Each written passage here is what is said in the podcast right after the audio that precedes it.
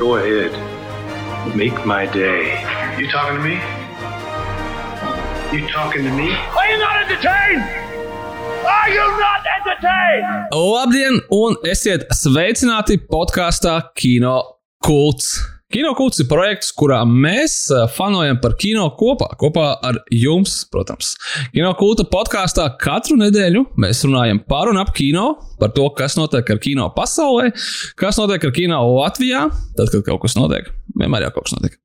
Un kas notiek ar kino, kino kultā un ko mēs esam noskatījušies. Interesantākā un droši vien arī kādam kaitinošākā sadaļa. Šo podkāstu vada kino kulta komanda, jeb eh, mūsu saprāta balss un regulārs Sergeja mediātors Līves Pandega. Čau! Kā arī, o, pff, es tagad pat domāju, kāds filmogrāfs tas varētu būt šoreiz. Nu, es pieņemšu, ka horror filmu žanra filmogrāfs, kā kaut kāda man tāds stadija ir. Sergejs Timoņins, un es arī runāšu divreiz ātrāk un divreiz skaļāk, tāpēc, ka Sergejs mūsu attēls arī šoreiz mazliet atpūšās un izlaiž šo podkāstu, krāj spēkus un skatās, es ceru, daudz filmas, nevis seriālu draugi vai oficiālu vai kaut ko vēl. Lai gan mēs varam parunāt arī par to. Gaidām viņu atpakaļ, Sergei, come back, please. Man citādi nav ko mediātorēt. Nu, jā, nu tad citādi kaut kāda kur drāma ir kaut kur pazudusi. Mums būs tikai pozitīvais podkāsts, kas uz, uz to mēs arī visi ejam. Lielais paldies iet ārā arī LMT vietelevīzijai, kas atbalsta arī šo podkāstu uh, un arī mūsu īpašos kā top kino podkāstus. Meklējiet viņus turpatās, kur jūs meklējat šo podkāstu. Ļoti interesanti. Drīzumā droši vien arī būs jauni. Un arī liels sievas paldies iet ārā mūsu patroniem un uh, īpaši mūsu jaunajam patronam AP. Esi sveicināts pulkā un paldies tev! Šoreiz podkāstā mēs parunāsim uh, tradicionāli par to, ko tad uh, jaunu mums ir sagatavojusi Hauda un ne tikai Hauda. Tā skaitā arī detaļas par Kristofera Nolana jauno filmu, kurā ir kļuvusi, manuprāt, krasi interesantāka. Nu, protams, par to mēs arī parunāsim. Skaidrs, ka līdz 15. mums ir jāsēž mājās, un pēc 8. mēs pat vairs nevaram iet ārā. Līdz ar to mums ir palielinājies tas laiks, kuru mēs pavadām dažādu veidu straumēšanas servisos visos. Un tie tad kā reizi arī būs mūsu šīs dienas podkāstu centrā. Straumēšanas servisi Latvijā, pasaules servisi, vietējie servisi un visi tie, kas mums ir legāli pieejami. Parunāsim par tiem un par to, ko mēs tajos varam skatīties. Nu, un, protams, neaizmirsīsim parunāt arī par to, ko mēs pēdējās nedēļas laikā esam noskatījušies un ko mēs par to visu domājam. Nu, es domāju, ka bez liekām ceremonijām sākam! Good news, everyone! Kā jau sanāca ietīzot, tad jā, Kristofera Novana jaunā filma, un, uh, ja mēs to pateikšu godīgi, uh, ļoti daudz sanāk lasīt kaut kādu industrijas presi, kas ir, uh, un, un online presi, kas ir to saistītu, un ar, kas bija saistīta ar to, ka tika anoncēta Kristofera Novana jaunā filma par Robertu, J. Robertu Oppenheimeru, atombumbas izgudrotāju, un arī par to, ka viņš diezgan skandalozi aizgāja projām no studijas Warner Brothers, ar kuru sadarbojās praktiski visu Nolans, nevis Oppenheimers. Jā, Nolans tas gan no Warner Brothers.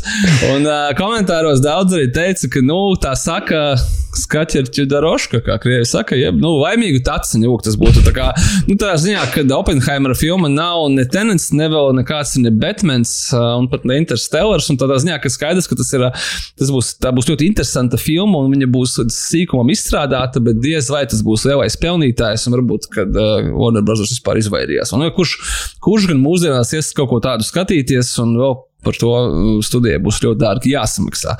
Uh, un tā arī izskatījās, bet uh, nu, skaidrs, ka Novanam vienmēr ir kaut kas pietaupīts, pietaupīts kādas, kādi dūži piedurknēs, un viņa projektam ir pievienota Silvianam Mērfijam, kurš jau tā bija apstiprināts Roberta Oppenheimera lomai, ir pievienojušies Mets Damons un Roberts Downijs Juniors vienā no savām pirmajām pa īstam lielajām lomām pēc uh, Tonija Starka un pēc Avengers Endgame, uh, kā arī, cik es saprotu, tad arī Emīlija Blante jau kaut kādā brīdī paspējusi apstiprināt savu dalību kā Oppenheimera sieva. Nu, uh, es domāju, ka tie ir tikai pirmie aktieri visticamākais, kuri ir piekrituši, bet nu, ir skaidrs, ka, ja tu nevari paņemt ar supervaroņiem, tad tu vari paņemt ar uh, ļoti labi zināmiem un kas ir pats galvenais skatītāju mīlētiem aktieriem droši vien saliekot viņus savā filmā tik daudz, cik ir iespējams. Nē, nu, forši viņiem. droši vien jau, ka jā, vēl noteikti tur nāks kaut kas klāt. Man laikam tas kaut kā tādā sajūta ziņā, tas atgādina kaut Denkerku. Nu, kad kaut kā kad es izdzirdu šo filmu, tad man nāk tās filmas, ko tā krāsa gama galvā un, un, un mm -hmm. sajūtas un tam līdzīgi. Jā, zinu, kā, bet Dunkerka bija tomēr tā kā Nē, nu, tādu tu... E- evakuāciju, kas ir. Nu, nu, jā, jā. Un tā, bet zinu, kas man ļoti patīk. Man patīk, kad bet viņi uh, sauc jā. viņu par episku trilleru. Jā, jā, jā, jā episks trillers that trusts audiences into the pulse, pulse pounding paradox of enigmatic man. Nu, tā, kad es domāju, bāz, kas viņiem raksta tās sinopsis, tāpēc, ka šis izklausās, ka principā tur Oppenheimers, nezinu, pret uh, visa, visai pasaulē par spīti ir izgudrojis tam nu, kaut kāds, kā, kaut kas tāds, kas uzreiz izklausās nu, ļoti aizraujoši. Un, un... Es jau pilnīgi dzirdu to pulksteņa tikšķi, kas arī tenkērkā skanēja, tikai, laikam, saprotu, šoreiz arī Hans Cimers nerakstīs, ka viņš paliek, laikam, Pie ģūna? Jā, es varbūt to izfantazēju tagad. Nē, viņš vienkārši pateica, ka viņam ir sarakstīts ļoti daudz mūzikas, ko viņš var izmantot otrajai daļai, lai gan tas droši vien bija joks. Uh, jā, bet uh, man liekas, ka šī universāls arī ir lasījis tās pašas komentārus mazliet satraucās par to, ka cilvēkiem izklausās, ka tā būs kaut kāda, nu, kaut kāds tas kā bija par to Čērčilu tā filma, nu tā, nu tāda kaut kāda. Nu, tas nebūs lielais kino notikums, ko mēs īstenībā gaidām no Nolana un par kuru universāls ir īstenībā samaksājis Nolanam ļoti lielu naudu. Tāpēc tagad tas ir jāpasniedz kā heart pounding thriller par, jā. Nu, Es arī nu, vairāk gaidu. Es domāju, ka tā nebūs kaut kāda nu, garlaicīga, jā, tāda biogrāfiskā filma. filma. Jā. Gan jau, ka kaut kas tur ir padomā. Nē, nu, tad jau redzēs, varbūt mēs šobrīd smagi maldāmies, un viņi arī melo ar to trilleru, bet, nu. Uh, jā, jā, piekrītu. Uh, kaut kas pilnīgi, manuprāt, pretējs. Jau tālāk ir, uh, ir aktieris un uh, bijušais uh, sportists, bet, ja mēs tikai pieņemam, ka wrestlings ir sports, nevis šovs, uh, Dvains Džonsons, jeb The Rock, uh, ir paziņojis, ka viņa jaunāko projektu, filmu, kuru mēs iepriekš pazinām ar segvārdu Red One, bet visticamākais, ka nu, nosaukums mainīsies, un kuru viņš veidos ekskluzīvi Amazon uh, straumēšanas platformai. Bet tam, man cik es saprotu, ne tikai Amazon platformai, bet kā mēs jau bijām to vienreiz izrunājuši, Amazon. Nu jā, Amazonam vispār kopumā tur būs iesaistīta gan uh, preču piegāde, gan visi citi Amazon servisi. Šeit, kad ieskaitot tos kosmosa kuģus, kur, kur tagad viņi tur lidinās apkārt. Uh, un viņu režisēs uh, Jake Kasdans. Uh, tas bija Orans Kasdana dēls, pareizi? Es nezinu. Nu, tas man tagad jānočako, tāpēc, ka tas uzvārds man liekas, ka, ka bija, bet nu, ne, neņemiet ļaundiet, tā arī nav. Uh, bet ko es biju ļoti pārsteigts par to, ka uh, izrādās, ka, teiksim, uh, nu, tur ir dažādi populāri un zināmi režisori, kas ir uh, daudz ko sasnieguši savā karjerā, bet, piemēram, Džeiks Kasdens ir uh, tikai ar Jumanji divām filmām, kuras viņš ir taisījis kopā ar uh, Dwayne Johnsonu, jeb The Rock, nopelnījis 1,8 miljardus ASV dolāru. Nu, tā kā viņš ir droši vien ar tām pārējām filmām, ko viņš tur ir safilmējis, Tur, piemēram, viņam Orange County viņam bija, un, un kas vēl kaut kādas tādas mazas komēdijas. Es pieņemu, ka uh, viņš jau iet pāri diviem miljardiem. Ja, nu, ja tas ir tāds svarīgs, kaut kā, kādam ir svarīgs cipars, bet Hollywoodā ir svarīgi cipari. Viņi to raksta, ka ja, es esmu manas filmas nopelnījis divus miljardus. Tur, uh, tas vienkārši vēlreiz apliecina to, ka, uh, kā es esmu to pamanījis. Tad Dvains Džonsons strādā tikai un vienīgi ar režisoriem, ar kuriem viņš jau iepriekš ir strādājis pie tādiem projektiem. Viņiem ir uh, Jamijs Kalets Sera, kas taisīja Jungle Cruise, un tagad uh, viņam taisīja Black Adam, un droši vien kaut ko vēl citu taisīs. Viņam ir uh, Maršals Rosons Trūbers, kas viņam taisīja uh, Skyscraper, un kas tagad taisīs uh, filmu, kas pēc nedēļas iznāks Red Notice, un, manuprāt, kaut kas viņam vēl pat kopā ir bijis un tā tālāk. Un, un par to ir ļoti sena teorija, ka principā ir tā, ka, uh, nu, ka viņš tā kā tie režisori, kuriem viņš saka, kā jādara, un tad viņi dara. jo viņi vienkārši no viņa baidās. Un, uh, un, uh, un sapnis būs, ka viņš, ka viņš filmētos pie kāda režisora, kur pašam rokam ir bail. Tad mēs no viņa beidzot iegūsim kaut ko, kas ir citādāks. Tā kā, viņa tā kā viņam bija tā Maikla Beja filma. Uh -huh. Un, un pagaidām bija Maikla Beja filma, un kaut kas mums bija vairāk. Mēs esam par šo runājuši. Mums, protams, mm. gan iekšēji, gan vēl. Un bija vēl Bija Maikla Beja filma, kur, nu, vai, nu, vai cik arī nebūtu liels roks, es domāju, ka Maikla Beja uzņemšanas laukumā ir tikai viens karalis, un tas ir Maikls Bejs. Tas ir diezgan skaidrs. Nu, man liekas, arī tas vēl bija gads, kad viņš varbūt nu, tikai tā kā, nu, viņš nebija tas roks, kas viņš ir šodien. Jā, jā, jā. Kad, uh, viņš jā. bija tikai ceļā uz to. Nu, viņš nebija arī gluži vēl skorpionu karaļa roks, vairs tikai tas restorāns, bet nu, viņam jau bija tāda, nu, tā kā uh, slava, bet vēl nebija tādā augstumā. droši Jā, viņš bija pie Richarda Kelija, iekšā Saltona tēls, ļoti interesants. Un, un tas ir, principā, droši vien arī viss. Pēc tam viņš bija tāds kaut kāds, tā kā, nu jā, un, un, jo, un katru reizi, kad viņš paziņo savā Instagramā, ka, hei, mans draugs, ar kuru mēs jau taisījām vienu ģeneriku filmu, tagad kopā ar maniem taisīs vēl vienu citu ģeneriku filmu.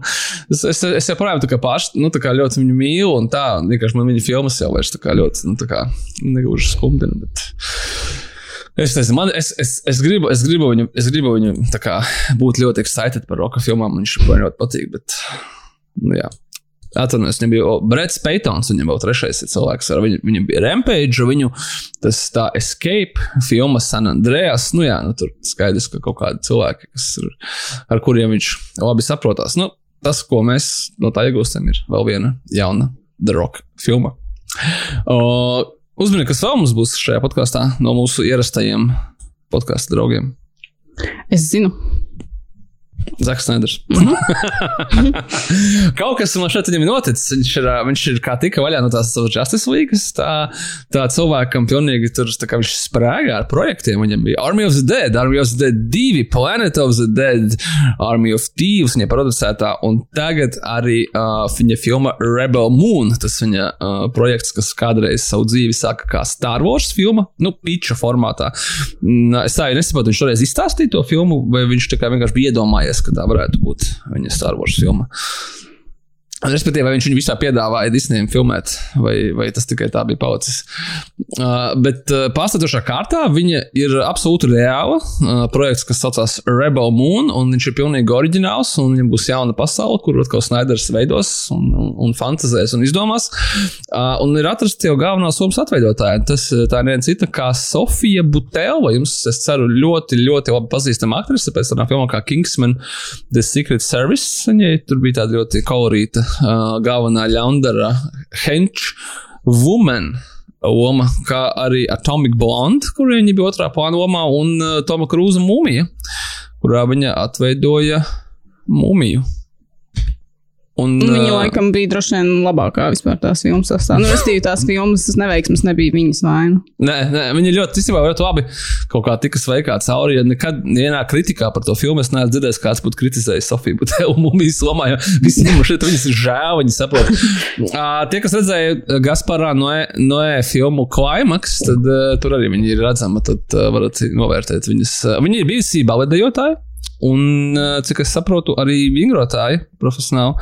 Līdz ar to viņas, viņi vienmēr tēlo tādus uh, fiziski, fiziski attīstītus personāžus, respektīvi ļoti lokanus un tā, un tad viņi tos trikus arī pati pilda. Uh, un uh, man sāk izskatīties, ka tas būs Zaka Snaidera vēl, vēl viens mēģinājums sakarpanču lauciņā, tikai šoreiz uh, sci-fi sāgas ietvaros, kas ir spēcīgi ietekmējusies no septiņiem samurajiem. Ah, jā, šī citu, ir Netflix producētā filma, tā kā redzēsim viņu uzreiz Netflix platformā. Un droši vien, kad uh, Zeks Neders saņems visu iespējamo naudu, kuru viņš vēlas. Lai uzbūvētu šo savu, savu pasauli. Ah, un vēl ko es nezinu, bet es minu, ka uh, vēl pirms viņš sāks filmēt šo te uh, Rebel Moon, uh, Netflix anoncēs prequel, sequel un animācijas uh, seriālu pēc motīviem. Nu, tas tā diezgan, diezgan pašsaprotami, bet tādi jau nemaz nav vērts sākt. Es ticu, ka mēs dzirdēsim kaut ko par Rebel Moon vēl pavisam ļoti, ļoti drīz. Uh, runājot par uh, spēcīgām sievietēm, galvenajās lomās ir atrasta galvenā varone, ar uzsvaru uz varone, seriālam pēc uh, National Treasure filmu motīviem, kurš taps Disney Plus platformā, un kā es saprotu, tas būs tajā pašā pasaulē, kurā arī diloģija, pagaidām diloģija par Nikolasu Keidžu. Es, nu, tur, ja tur nav Niklaus Keits, kurš saka dīvainus one-liners, tad no one cares. Starp citu, jā, Piedodiet, tā, tā, tā premisa strādā tikai tad, ja tur ir kaut kāda plānprātība no viņa puses vēl nāk klāt. Labā nozīmē. Bet vai Nilko skaičs nav kļuvis jau pārāk plānprātīgs priekš? priekš. Jā, es domāju, ka viņš varētu tā kā kaut channelot to, to, to enerģiju. Cerams, cerams. Uh, oficiālā ziņas jāsāsta par to, ka Lizete Aleksis um, ir, ir tā, kas tagad būs galvenā varone Disney Plus National Treasure seriālā. Bet, uh, Līva, tas tavs mīļākā lapa, kuru tu nelasi, bet kuru lasu es, tas, kur tie visi tā sazvērstība teorijas par Disneyu. Tie tie Krievu fórumi? Jā, jā, jā, jā. Viņi saka, ka uh, īstenībā Brukhaimer, Džerijs Brukhaimers, kurš producēs arī šo seriālu, izmantos viņu kā testu un pirmkārt Nikols Keits Cage parādīšoties arī seriālā, kā šitais te, be, šis, viņš bija Benjamins Gates. Benjamins Franklins. Benjamins Franklins. Nē, pagaid, Benjamins Gates. Gates. Jā, jā, jā. Ben, Franklins jā, bija prezidents. Franklins bija jā, īsts cilvēks. Un, un, jā, un, un, ja viss būs ļoti labi, tad uh, viņi filmē šo divus back-to-back sequelus, trešo un ceturto daļu. Proper. Filmē, kurā būs arī seriāla varoni, un, un Disney, Disney vienkārši grib sākumā seriāla formātā pačakot, vai, vai viss ir kārtībā, un vai cilvēkiem vēl interesē. Nē, nu, ja tu teici, kā tu teici, ka tas notiek tajā pašā pasaulē, tad jau ir visas iespējas viņam tur arī parādīties. Un tad tāpēc droši vien arī daudz skatīsies. Jo, nu, zināmā, tas pats uzstādījums par sevi, tas jau nav nekas tāds nu, drausmīgi oriģināls. Tur jau vajag tieši to stilu, to, to keidžismu. Jā, bet es domāju, ka tur arī bija uh, režisors Džons Tertaups. Manuprāt, ir tāds uh, viens no tiem, hmm, kā vai pareizi pasakot, kaut kāds režisoriem, kas tādu, nu, viņiem ir, da, viņiem ļoti daudz filmu, bet tikai dažas tādas, kuras tu tiešām kā, ļoti atceries. Lai gan viņi, man šeit viņa filmas ir redzējuši ļoti daudz cilvēku, bet es domāju, ka viņam ir tāda, nu, kaut kā tāda sajūta uh, par to, ka uh, tās uh, National Treasure filmas, viņas bija stipri, stipri maigākas nekā tipiskie Džerija Brukhaimera tā laika grāvēji.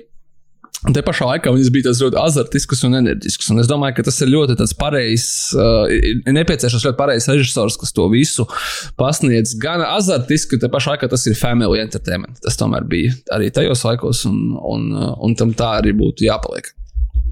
Nu, redz, viņam, nu jā. Jā, viņam jā. pēdējā filma bija The Meg. es domāju, ka viņš vienkārši pelnīja naudas, tas arī. Mm. Uh, nu labi, okay, vai kaut ko foršāku? Uh, no, no, zemēga ātri projām uh, aizpeldēsim. Pie mums gaida jauns Garfields uz lielajiem ekrāniem, kas mani absolūti neizbrīna. Tāpēc, ka uh, šoreiz tā būs trīsdimensijas animācijas filma. Bet ļoti interesanti, ka uh, jaunais Garfields balss ziņā, nu vismaz pasaulē, kur netiek dublētas filmas latviešu valodā, būs viens cits kā Kris Prats. Un uh, tad es sapratu, ka Kristis Prats īstenībā ir kļuvis par tādu tā jauno uh, voice-over. Voice-over magnātu. Viņam pēdējā nu, laikā izskatās, bijis. Uh, viņš bija Lego movie galvenais varonis. Uh, viņam bija Pixar Onward, un vēl viņš ir Super Mario jaunajā Super Mario animācijas filmā no Universal Nintendo. Un tagad viņš būs arī Garfields. Un no filmām viņam ir tikai bija tas Tomorrow War, kas debitēja Amazonā, un vēl tas uh, Jurassic Park 3, kas tā kā noslēgs to visu. Es nezinu, viņam vajag vai vispār viņam filmēties. Ah, nu, Guardians of the Galaxy, jā, protams, uh, trešā daļa un Christmas vai Holiday Special, kā viņš Holiday Special. Bet, eh, bet tagad ir jautājums, vai, mums, vai viņam pašam vispār būtu vajadzīgs, ja viņš var vienkārši sēdēties savā fermā ar Švarsnegeru meitu, kas viņa sieva, un, un ierakstīt balsi un dzīvot laimīgs kā, un makšķerēt, ko viņš dara. Kā mēs redzam pēc viņa Instagram, viņam ļoti patīk makšķerēt. Tā kā tā, kā tā. Nu, es domāju, ka nevajag noteikti apstāties. Uh, mums vajag izstāstīt. Viņš zina, ko vēl dara, viņš, viņš sēž un apvainojas, ka cilvēki nosauc par sliktāko krisu. Viņam vienkārši jā, viņam jācenšas. Viņam jācenšas nu, viņš to baigi toreiz ņēma. Internets baigs sadusmojās atkal kārtojoties par šo Garfieldu. Nu, ne tik ļoti, man liekas, kā par to Mario, par ko mēs runājām arī iepriekš, bet viņam vēl viena šī tāda loma, un tā kā, nu, cik var. Un tad bija ļoti daudz visādi smieklīgi joki par jaunām animācijas filmām, kur visas lomas ieskaņo Kristus Prants. Varat pameklēt, atradīsiet. Viņam, viņam tā balss tiešām ir tik ļoti Nu, nav. Nu, es nezinu, kāpēc. Viņš varētu padomāt, pēdējais aktieris Holivudā palicis. Nu, jā, bet, nu, kā, šaks, ka, bet, teiksim, nu, labi, Garfields, man liekas, ir krietni loģiskāk izvēle Krisam Pratam nekā tas pats Mario. Nu, jo tur gan es neredzu nekādu sakaru. Bet, nu, Garfields tur es vēl varu iedomāties. Es kā, ja tur nebūtu bijis tas Mario pirms pāris nedēļām, vai cik tur tagad sanāk mēneši, tad, man liekas, cilvēki tā, nu, tā nu, vispār nekā nereaģētu īpaši. Bet Nu. tagad, tad, nu, tā atkal jau, un tad pēc nedēļas būs kas vēl. Ko vēl viņi varētu izrakt? Nu, jā, varbūt tā pandēmija. Es, es, mēs varam, mums vajag izstāstīt vēlreiz to stāstu par Billu Mureju un Garfieldu. To par, par, par režisoru. Jā, mēs atc- atceramies, ka jau bija divas filmas par Garfieldu. Tās bija ar Billu Mureju 2004. un 2006. gadā, un uh, viņas nebija baigi labās. Tas bija diezgan draņķīgas, un otrā bija vēl sliktākā pirmā. Bet uh, Bills Mier- Murejs ierunāja Garfieldu, un uh, tur tas uh, stāsts ir pilsētas leģenda, vai kā viņš, nu tā ir Billa Mureja leģenda. Viņš pats to arī stāsta, ka uh, patiesībā viņš ir piedalā, piedalījies tikai tādēļ, ka uh, viņš esot dzirdējis, ka scenāriju Garfielda filmai raksta Joels Coens, bet uh, tas nebija tas, kurš ir Ītens un Joels Coens. Tas bija tikai Joel Cohen. Nu, respektīvi, tas uzvārds rakstījās citādāk, bet izrunājās tāpatās, kas ir tā angļu valodas problēma. Dažādi vārdi, kas izrunājās vienādi. Un, uh, un viņš vienkārši domāja, ka Coens jau sarakstījis foršus dialogus, varēšu normāli. Nu, tur tas jau nav beigas sarežģīti ierunāt animācijas filmas, mazāk laika un vieglāk un tā. Un izrādījās, ka tas ir cits koens. Un, bet tas neizskaidro to otro daļu. Jā, man ir tas saprast to kļūdu pirmajā reizē, bet tad tā kā, nu, Fool me once, shame on you, fool me twice, shame on Bill Murray. Un, nu jā, bet nu, go- golfa nu īsti nemaksā lēti. Oi, uh, kā starp citu, internets reaģēja uz to, ka Džons Hams atveidos uh, detektīvu uh, Fox animētā, kom studijas uh, Fox animētā komēdijā. Šajā gadījumā tas būs televīzijas kanāls Fox, nevis studija Fox, kas tagad saucās 20th Century Studios. Un, uh, sauksies tas viss pasākums Grimsburg. Un vismaz pēc uh, pirmā, pirmajām bildēm, ko viņi ar, ar personāžiem ir izlaiduši, izskatās pēc American Dad un Simpsons krustojuma. es, ā, man liekas, neko nesaku, jo šis ir pirmais ā, brīdis, kad es dzirdu par šādu seriālu. Nu. Tāpēc, tāpēc, Nu. jā. Ziniet, kā man liekas, ka tieši Fox kanāla animētās komēdijas, kur ir gan, gan American Dad, gan kas viņam vēl bija no šī tā tā King of the Hill, Simpsoni. Futurama un tā, nu, kas kaut ko noteikti es vēl aizmirstu. Uh, ir diezgan lielā cieņā un diezgan labi, labi tirgojās pēc tam apkārt pasaulē. Acīm redzot, Džons Hams grib arī atkal savu kaut kādu tādu darbu, līdzīgi kā Madmen, kur viņš varētu nu, tā kā ilgtermiņā strādāt un atveidot. Bet, uh, bet nu, man tas ļoti interesanti. Viņš nu, viņa sanāktu diezgan labs arī ne tikai animēts detektīvs, bet uh, es labprāt noskatīšos vismaz pirmos, pirmās sērijas, lai saprastu, kāds, kā Džons Hams iejūtās šajā lomā. Varētu piestāvēt, jā. Gaidījām, gaidījām, un droši vien būsim sagaidījuši pirmo Kristīnas Stjortas filmas režisēto filmu. Pie tam, mm, kurā viņa pati, cik es saprotu, neatveidos ne tikai ne galveno, bet vispār nekādu lomu. Es domāju, ka tas droši vien daudziem būs tā kā. Tā būs labā, labā ziņa. Uh, es nesaprotu, kur ir, kur ir tā līnija, kāpēc viņa ir tik pretrunīga, tā Kristina Stjorta. E, Man liekas, normāla aktrise, bet man liekas, ka viņa ar savām, nu, ar Twilight viņa ir nopelnījusi, un ar tām neatkarīgajām filmām, kuras viņai ir tiešām ļoti daudz, viņas ir ļoti apbalvotas, viņas jau pierādījis kā normāla aktrise.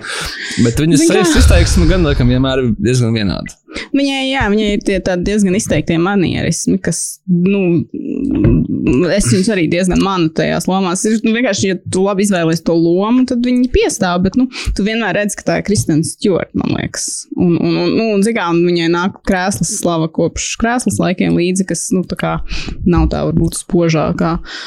Aktieru mākslas paraugs stunda no viņas puses arī.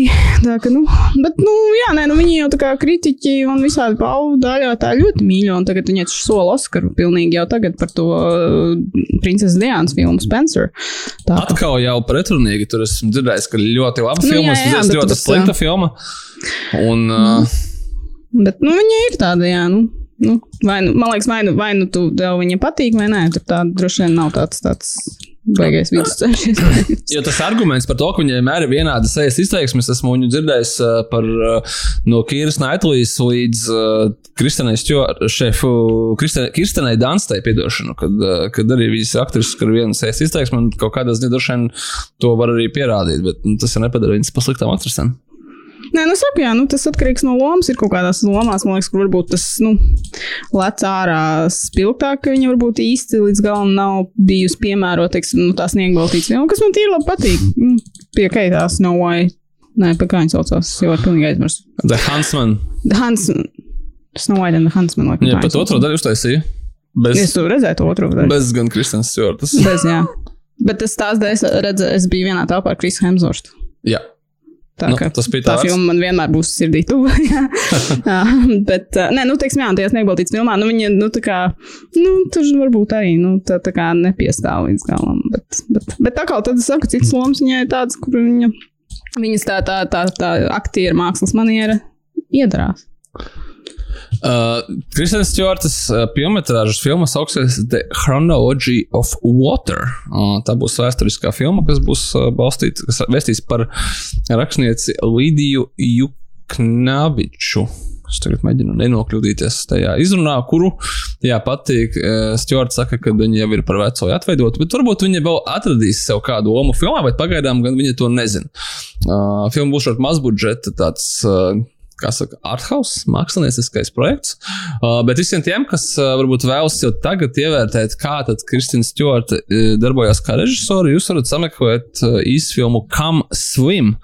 YouTube uh, viņa ir oficiāli tur pieejama 23 minūtes gara. Un jā, tas bija tāds viņas mēģinājums. Atcīm redzot, iepaticies, un tālāk mēs Stjorts, tagad ir jaun, jaunkundze joprojām, ja? redzēsim. Redzēsim, tā skaitā arī reži, reži, režisora amplitūda.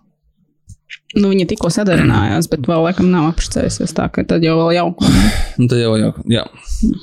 Um, nezinu, man liekas, ka tas kā ļoti īsi pievērsuši tam, ka nekad, mēs zinām, ka nekad nav par vēlu kaut ko darīt, un ka vienmēr ir uh, one last ride, ir varbūt vienmēr vēl viens last ride, tāpat tās arī kā Laimam Nīsonam, mūsu ļoti iemīļotam aktierim par viņa pērnām lomām, kurš, man liekas, strauji, strauji tuvojās uh, kaut kur tur, kur Brūss Vilnis šobrīd ir. Viņus vienīgais atšķir tas, ka mēs redzam, ka Laims vēl mazliet tomēr cenšas. Vai ja pat viņš necenšas, tad viņš kaut kā tēlo, ka viņš cenšas. Es esmu godīgs cilvēks, kurš redzējis pēdējās viņa trīs filmas, un viņas bija drausmīgas. Viņas bija savu bēdu, un es runāju par filmām uh, The Ice Road, The Marksman.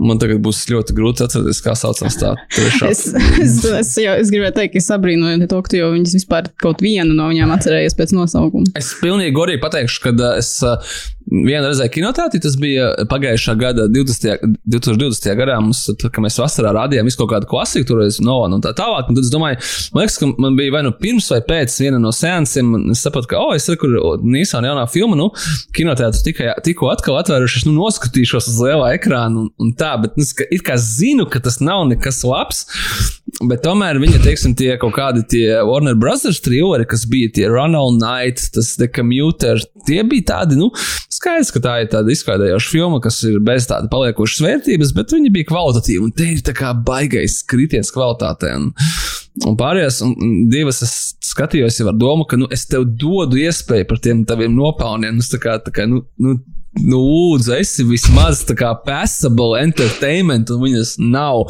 Viņas ir ļoti, ļoti, viņas nevar mani pat izklaidēt. Tā kā domāju, nu, bāc. Ok, garais ievads ir par to, ka Laimam Disonam viņš eh, kā, būs kā retired assassin. Uh, kas jau ir skaidrs, ka tā nebūs dramatiska tipa filma. Lai gan uh, viņas darbība norisināsies īrijā un sauksies In the Land of Saints and Sinners. Un uh, viņa liela ekrāna vai mazā ekrāna, droši vien, ka mazā ekrāna partneris būs neviens cits kā Ciarans Hainz, vēl viens ļoti foršs aktieris. Kurš acīm redzot, ir nokļuvis uh, lomu nedienās, vai sprukās, ja arī vienkārši ir jāsamaksā par māju vai kredītu Covid laikā. Es iemācījos vienreiz speciāli, kā viņa vārdu izrunā. Viņš ir Kierans.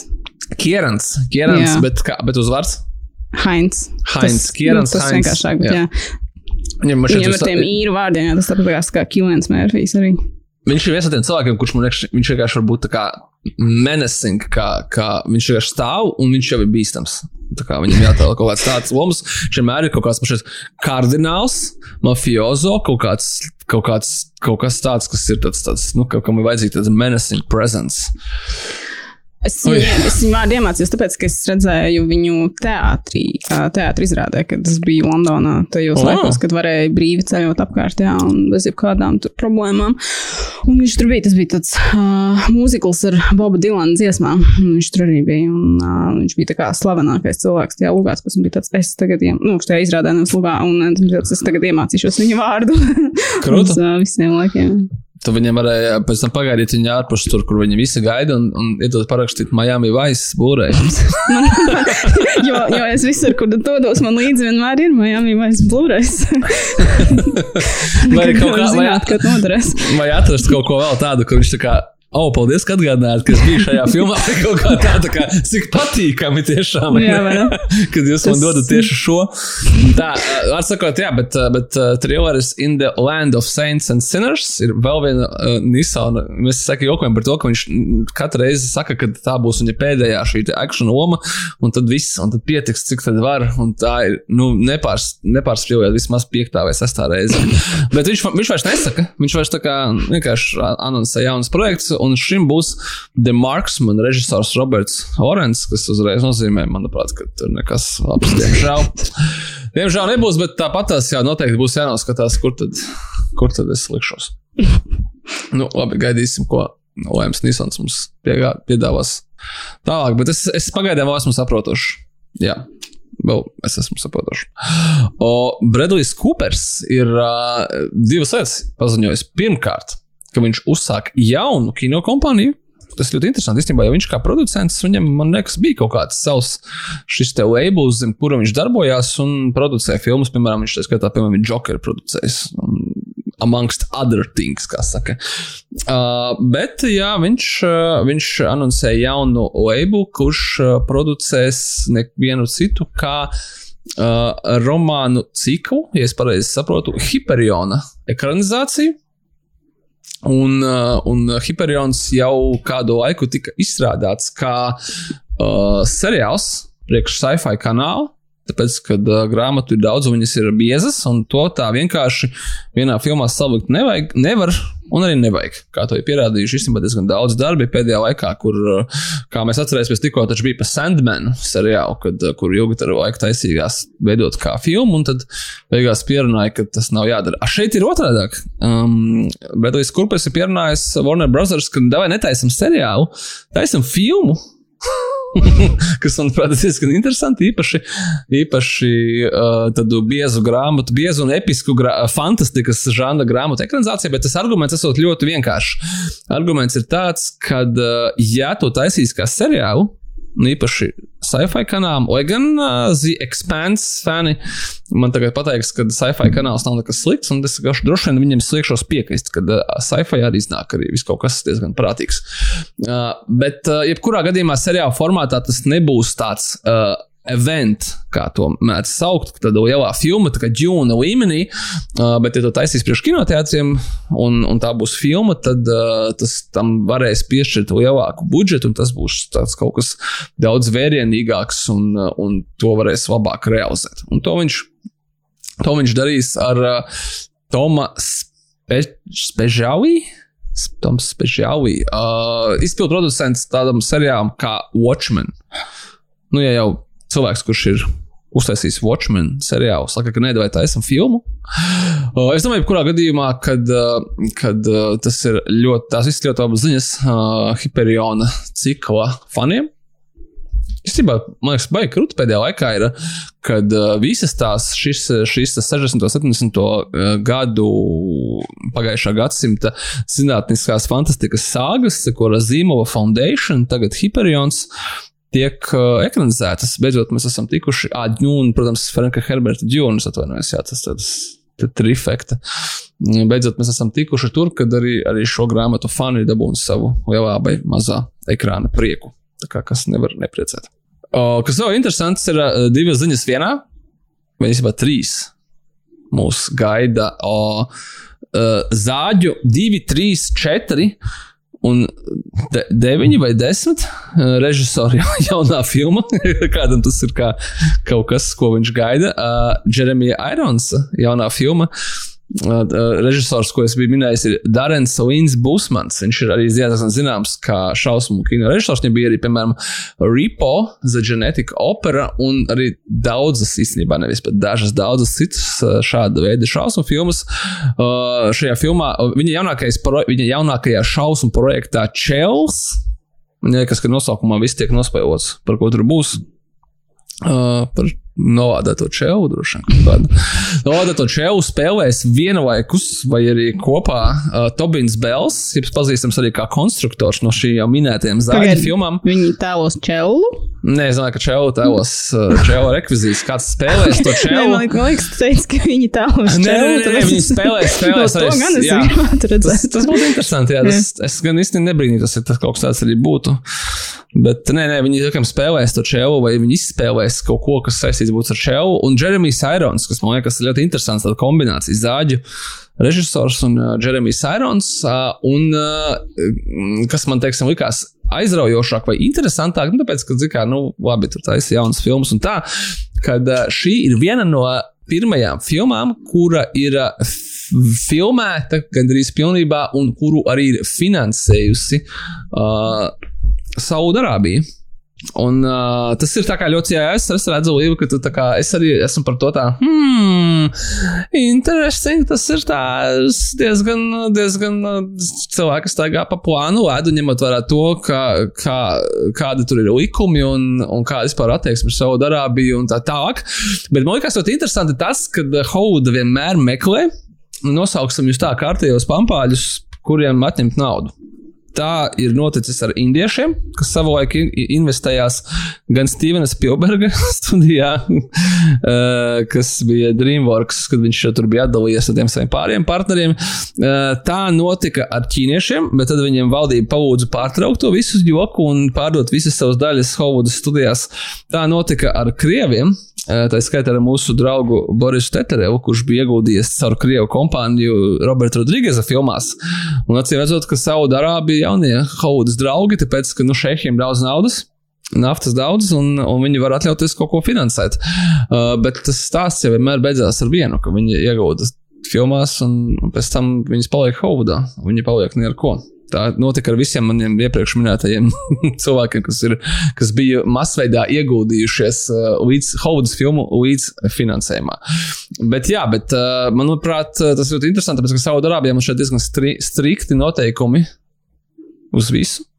Nu, lai neteiktu vairāk. Lai neteiktu vairāk.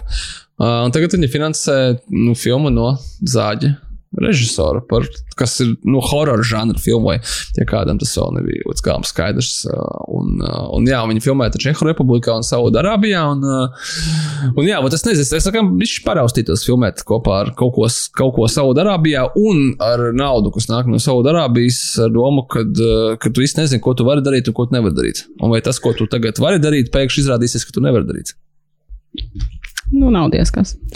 Nu, nav diezkas. Nu, redzēsim, kā šis attīstīsies. Bet, jā, kāpēc es arī to tā pieminēju, kad, kad jā, parāds Dārns Līns Busmans tagad šajā paziņojumā saka, ka wow, wow, wow, mēs esam atraduši jaunus, lieliskus, interesantus partnerus, un man strādā viņiem liels prieks, un, un, un acīm redzami, kad, kad kaut kādā ziņā droši vien, ka viņa, piemēram, sekos arī citi. Tāpēc, ka jā, kā, es to redzu, ka ir atrasta kārtējie cilvēki ar naudu, kas varētu kaut ko finansēt. Bet ir jābūt ļoti uzmanīgiem.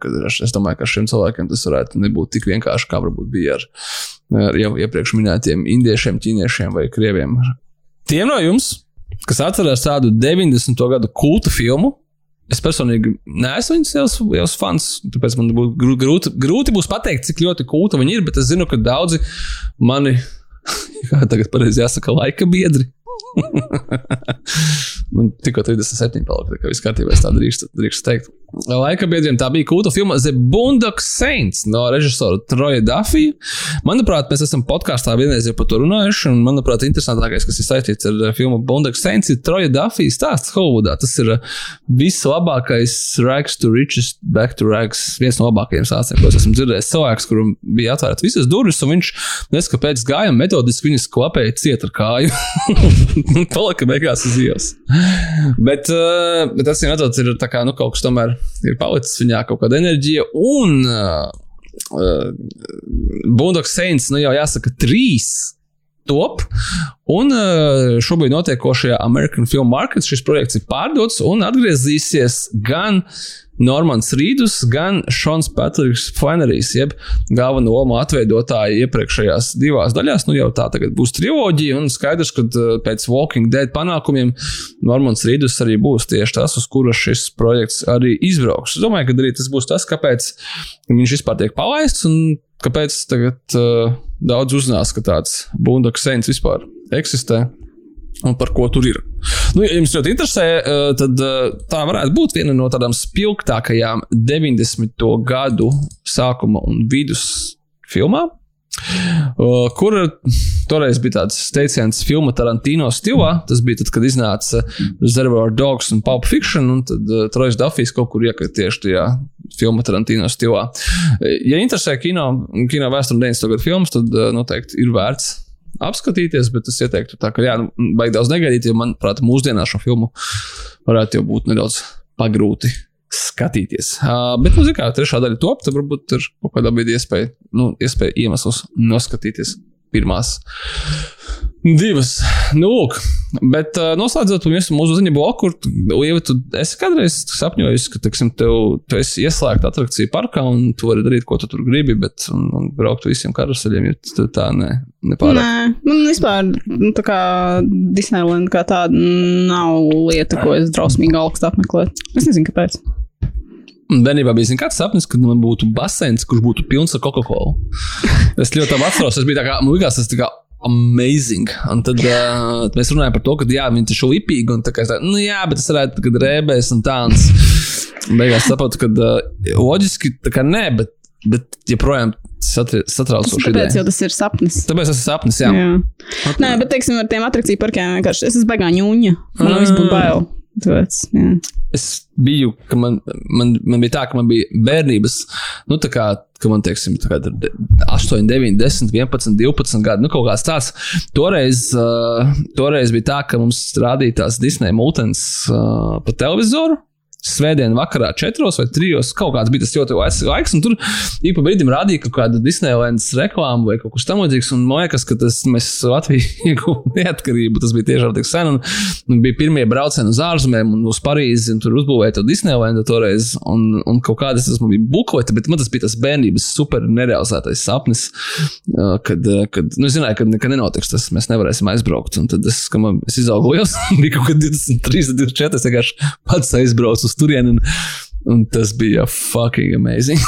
es vienkārši izdzīvoju bērnības sapni, bet es atceros to, kad es izbraucu pa to Magic Mountain, un es gandrīz pietaisīju bikses, un es nebraucu pa to.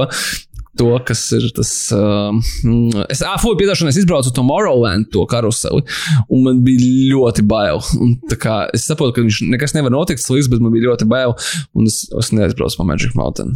Un tā. Uh, bet tas bija krūti, tas bija krūti. Es sapratu, ka es esmu pieaugušs cilvēks un es īstenoju savu, savu sapni, bet apkārt bija daudz citu pieaugušu cilvēku, kas tieši darīja to pašu. Tas palīdzēja. Tas tiešām, tas tiešām palīdzēja. Atceros, ļoti, nu, ļoti, ļoti patika. Anyway, Ziniet par to, ka, ja jūs esat arī, jums arī, jūs varat pirmkārt sūtīt mums uz Helvāta kino kūts LV savus bērnības sapņus. Mēs, mēs viņus izlasīsim un neobligāti atbildēsim atkarībā no tā, kā, kā, kādi viņi būs. Bet kā esat uzmanīgi, nesūtiet neko nevajadzīgu apkārt. Tas vienmēr var kaut kur parādīties pēc tam, vai atnākt atpakaļ. Bet otrkārt, ja jums ir bijis sapnis, kad jūs varētu palikt Disneylandā un, un un tur tas būtu tikai jūsu rīcībā, tad uh, varat, varbūt, uh, kā saka, be careful what you wish for. Jo tieši tas notika ar 30 tūkstošiem cilvēku Šanhajas Disneylandā. Kur ir tika ieslēgti tur un kurus nevaida ārā, tāpēc, ka uh, viens no viņiem notestēja pozitīvs, uh, kā, kā pozitīvs koronavīrusa case, kas nozīmē, ka Disneylandas durvis tika aizslēgtas un atslēga tika noglabāta drošā vietā Ķīniešu komunistiskās partijas uh, seifā. Un uh, kamēr viņi nepārčekoja visus pārējos cilvēkus, tikmēr neviens no Disneylandas ārā netika. Es gan nesaprotu, vai viņi turpināja strādāt, vai, teiksim, Mouse turpināja viņus visus sveicināt un teikt, hei, kids! Kids come here, un tā, vai karuseļi palika ieslēgta arī nakt, vakarā un naktī. Bet, eh, bet, jā, bet viņus, viņi pārbaudīja 33,863 cilvēkus, un uh, viņi visiem bija, viņi bija negatīvi. Ar ko viņus arī apsveicu. Es domāju, ka viņi kādu laiku droši vien atturēsies no Disneja apmeklējuma. Bet, kā minimums, daudziem no viņiem, kuriem bija sapnis pats ciemoties tur ilgāk, viņi, viņi beidzot varēja piepildīt. Bet, eh, lai šis nebūtu pavisam bezjēdzīgs eh, ziņu, ziņu bloks, kurā mēs smejamies par cilvēkiem, kas izsaka Disneylandā, par cik mums un arī jums nav šādas iespējas tikt ieslēgtiem Disneylandā. Mums tikai ir iespēja tikt ieslēgtiem savos dzīvokļos un nekur pēc astoņiem neiet ārā. Eh, tad mēs ieteiksim jums noskatīties filmu Escape from Tomorrow 2013. gada amerikāņu neatkarīgais kino no režisora Rendija Mūra. Un, jā, ja tas ir kaut ko es par to filmu dzirdējuši, tad jā, tā ir tieši tā filma, kuru savulaik Rendijs Mūrs slepus nofilmēja Disneylandā. Uh, nu, tāpēc, ka uh, tā nav Disneylandai glēmojoša filma, tā nav dokumentālā filma, tā ir mākslas filma par kāda cilvēka nervu sabrukumu Disneylandā apmeklējuma laikā. Un, ja jūs gribat redzēt kaut ko tādu, ko Disneys negrib, lai jūs redzētu, tad, jā, Escape from Tomorrow ir filma, kas ir jūsu rīcībā. Tas saka par godu visiem tiem, kuriem nācās pavadīt Šanhajas Disneylandā mazliet ilgāk nekā viņi to varbūt gribēja. Oh, I'm sorry. Did I break your concentration? Un šoreiz, kā lielais temats, mums ir straumēšanas servisi, jo iespējams ir tieši īstais laiks, kad par viņiem vēlreiz parunāt. Mēs esam runājuši par straumēšanas servisiem, es domāju, katrā no šī podkāsta. Kā tad? Sērijām tādā vai citādā veidā. Bet uh, mēs zinām, ka atkārtošana zināšana māte, un es domāju, ka mums vienmēr ir jauni klausītāji, kas mūsu cerības pievienojās un klausās. Un, uh, gribējām parunāt, jā, ka uh, tā kā, tā kā atkal ir maisēdi un, un kaut kas ir jāskatās uh, par straumēšanas servisiem kopumā, par straumēšanas servisiem, kas mums ir pieejami un par to, ko tad mēs viņos tā arī skata, skatāmies. Uh, bet droši vien vispirms sāksim ar to, ko mēs paši lietojam, Līva, kā, kā ir ar tevi. Es lietoju to, kurā atrodas tas, kas man tajā brīdī ir vajadzīgs. Uh, jo, nu, tā kā permanenti Netflix. Um, un, jā, un tad mums, uh, mūsu dzīvokli arī TET nāk caur internetu. Bet, uh, principā, es skatos pēc tā, kur kas ir pieejams, un, attiecīgi, tad uz uh, to mēnesi ņemu kaut kādus tos servisus. Tāds, à, tad, tad, tad man ir tāda tas, kurš, schēma, jā. Tas tas, kurš pieslēdz un, un pēc tam atsakās. Yep. Jo, teiksim, nu, mm. uh, nu, man bija uz gadu Apple TV, plus, uh, bet tagad man viņš vairs nav. Un, teiksim, kad es tagad gribēju noskatīties uh, sīku, par ko es stāstīju pagājušajā nedēļā, mm -hmm. es paņēmu uz mēnesi, subscribējos uz Apple TV, plus, es uzreiz viņu atslēdzu. Nu, man tas mēnesis vēl paliek. Es nostos to sīku, un tad, ja man atkal kaut ko vajadzēs, tad es viņu pierakstīšu. Jūs vienkārši neredzat jēgu maksāt katru mēnesi par kaut ko, ko es reāli nelietoju. Un tad es Prak, tā. Pra, praktiskais atveids. Nu, tieši tā. Tā man tā, tā, tāda filozofija. Man ir līdzīgi, bet ne līdzīgi, tāpēc, ka uh, man ir vairāk, ilgu, ilgu laiku bijis tā, ka man ir kaut kas, ko, mēs, ko es abonēju, un es nelietoju. Tad uh, man savukārt ir kas pretēji, kas neesmu tik praktisks. Interesanti ir tas, ka uh, joprojām, joprojām ir tas pats Netflix, jā, kas kas ir tā tāds pamats. Man, un es laikam par to domāju, cik ilgi viņš šo būs. Es esmu, teiksim, tā kā mēs šeit visvairāk kritizējis tieši Netflix projekts. Tā pašā laikā. Viņus arī skaties? Jā, es viņus arī skatos, un man nav ne, ne plāna atteikties no viņas. Tā kā, kā like, why? Tā kā, nu, nē, tas ir it's a must. Nu, tā kā, tur ir pilns ar kaut ko tādu, ko es neesmu vēl noskatījies, bet vajadzētu. Vai arī varbūt nevajadzētu, bet tas ir šeit.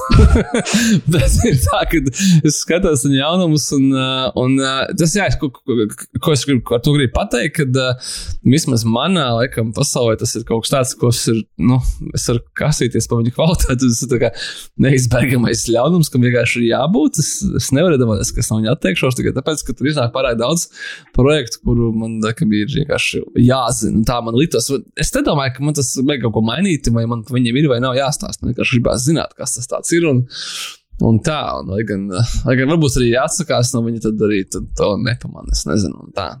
Tā pašā laikā, teiksim, man ir bijis, ko es gribēju teikt, jā, man ir bijis tas gads ar jaunu iPhone, Apple TV pusi, un tā arī nenoskatījās viņā neko, ko man vajadzēja.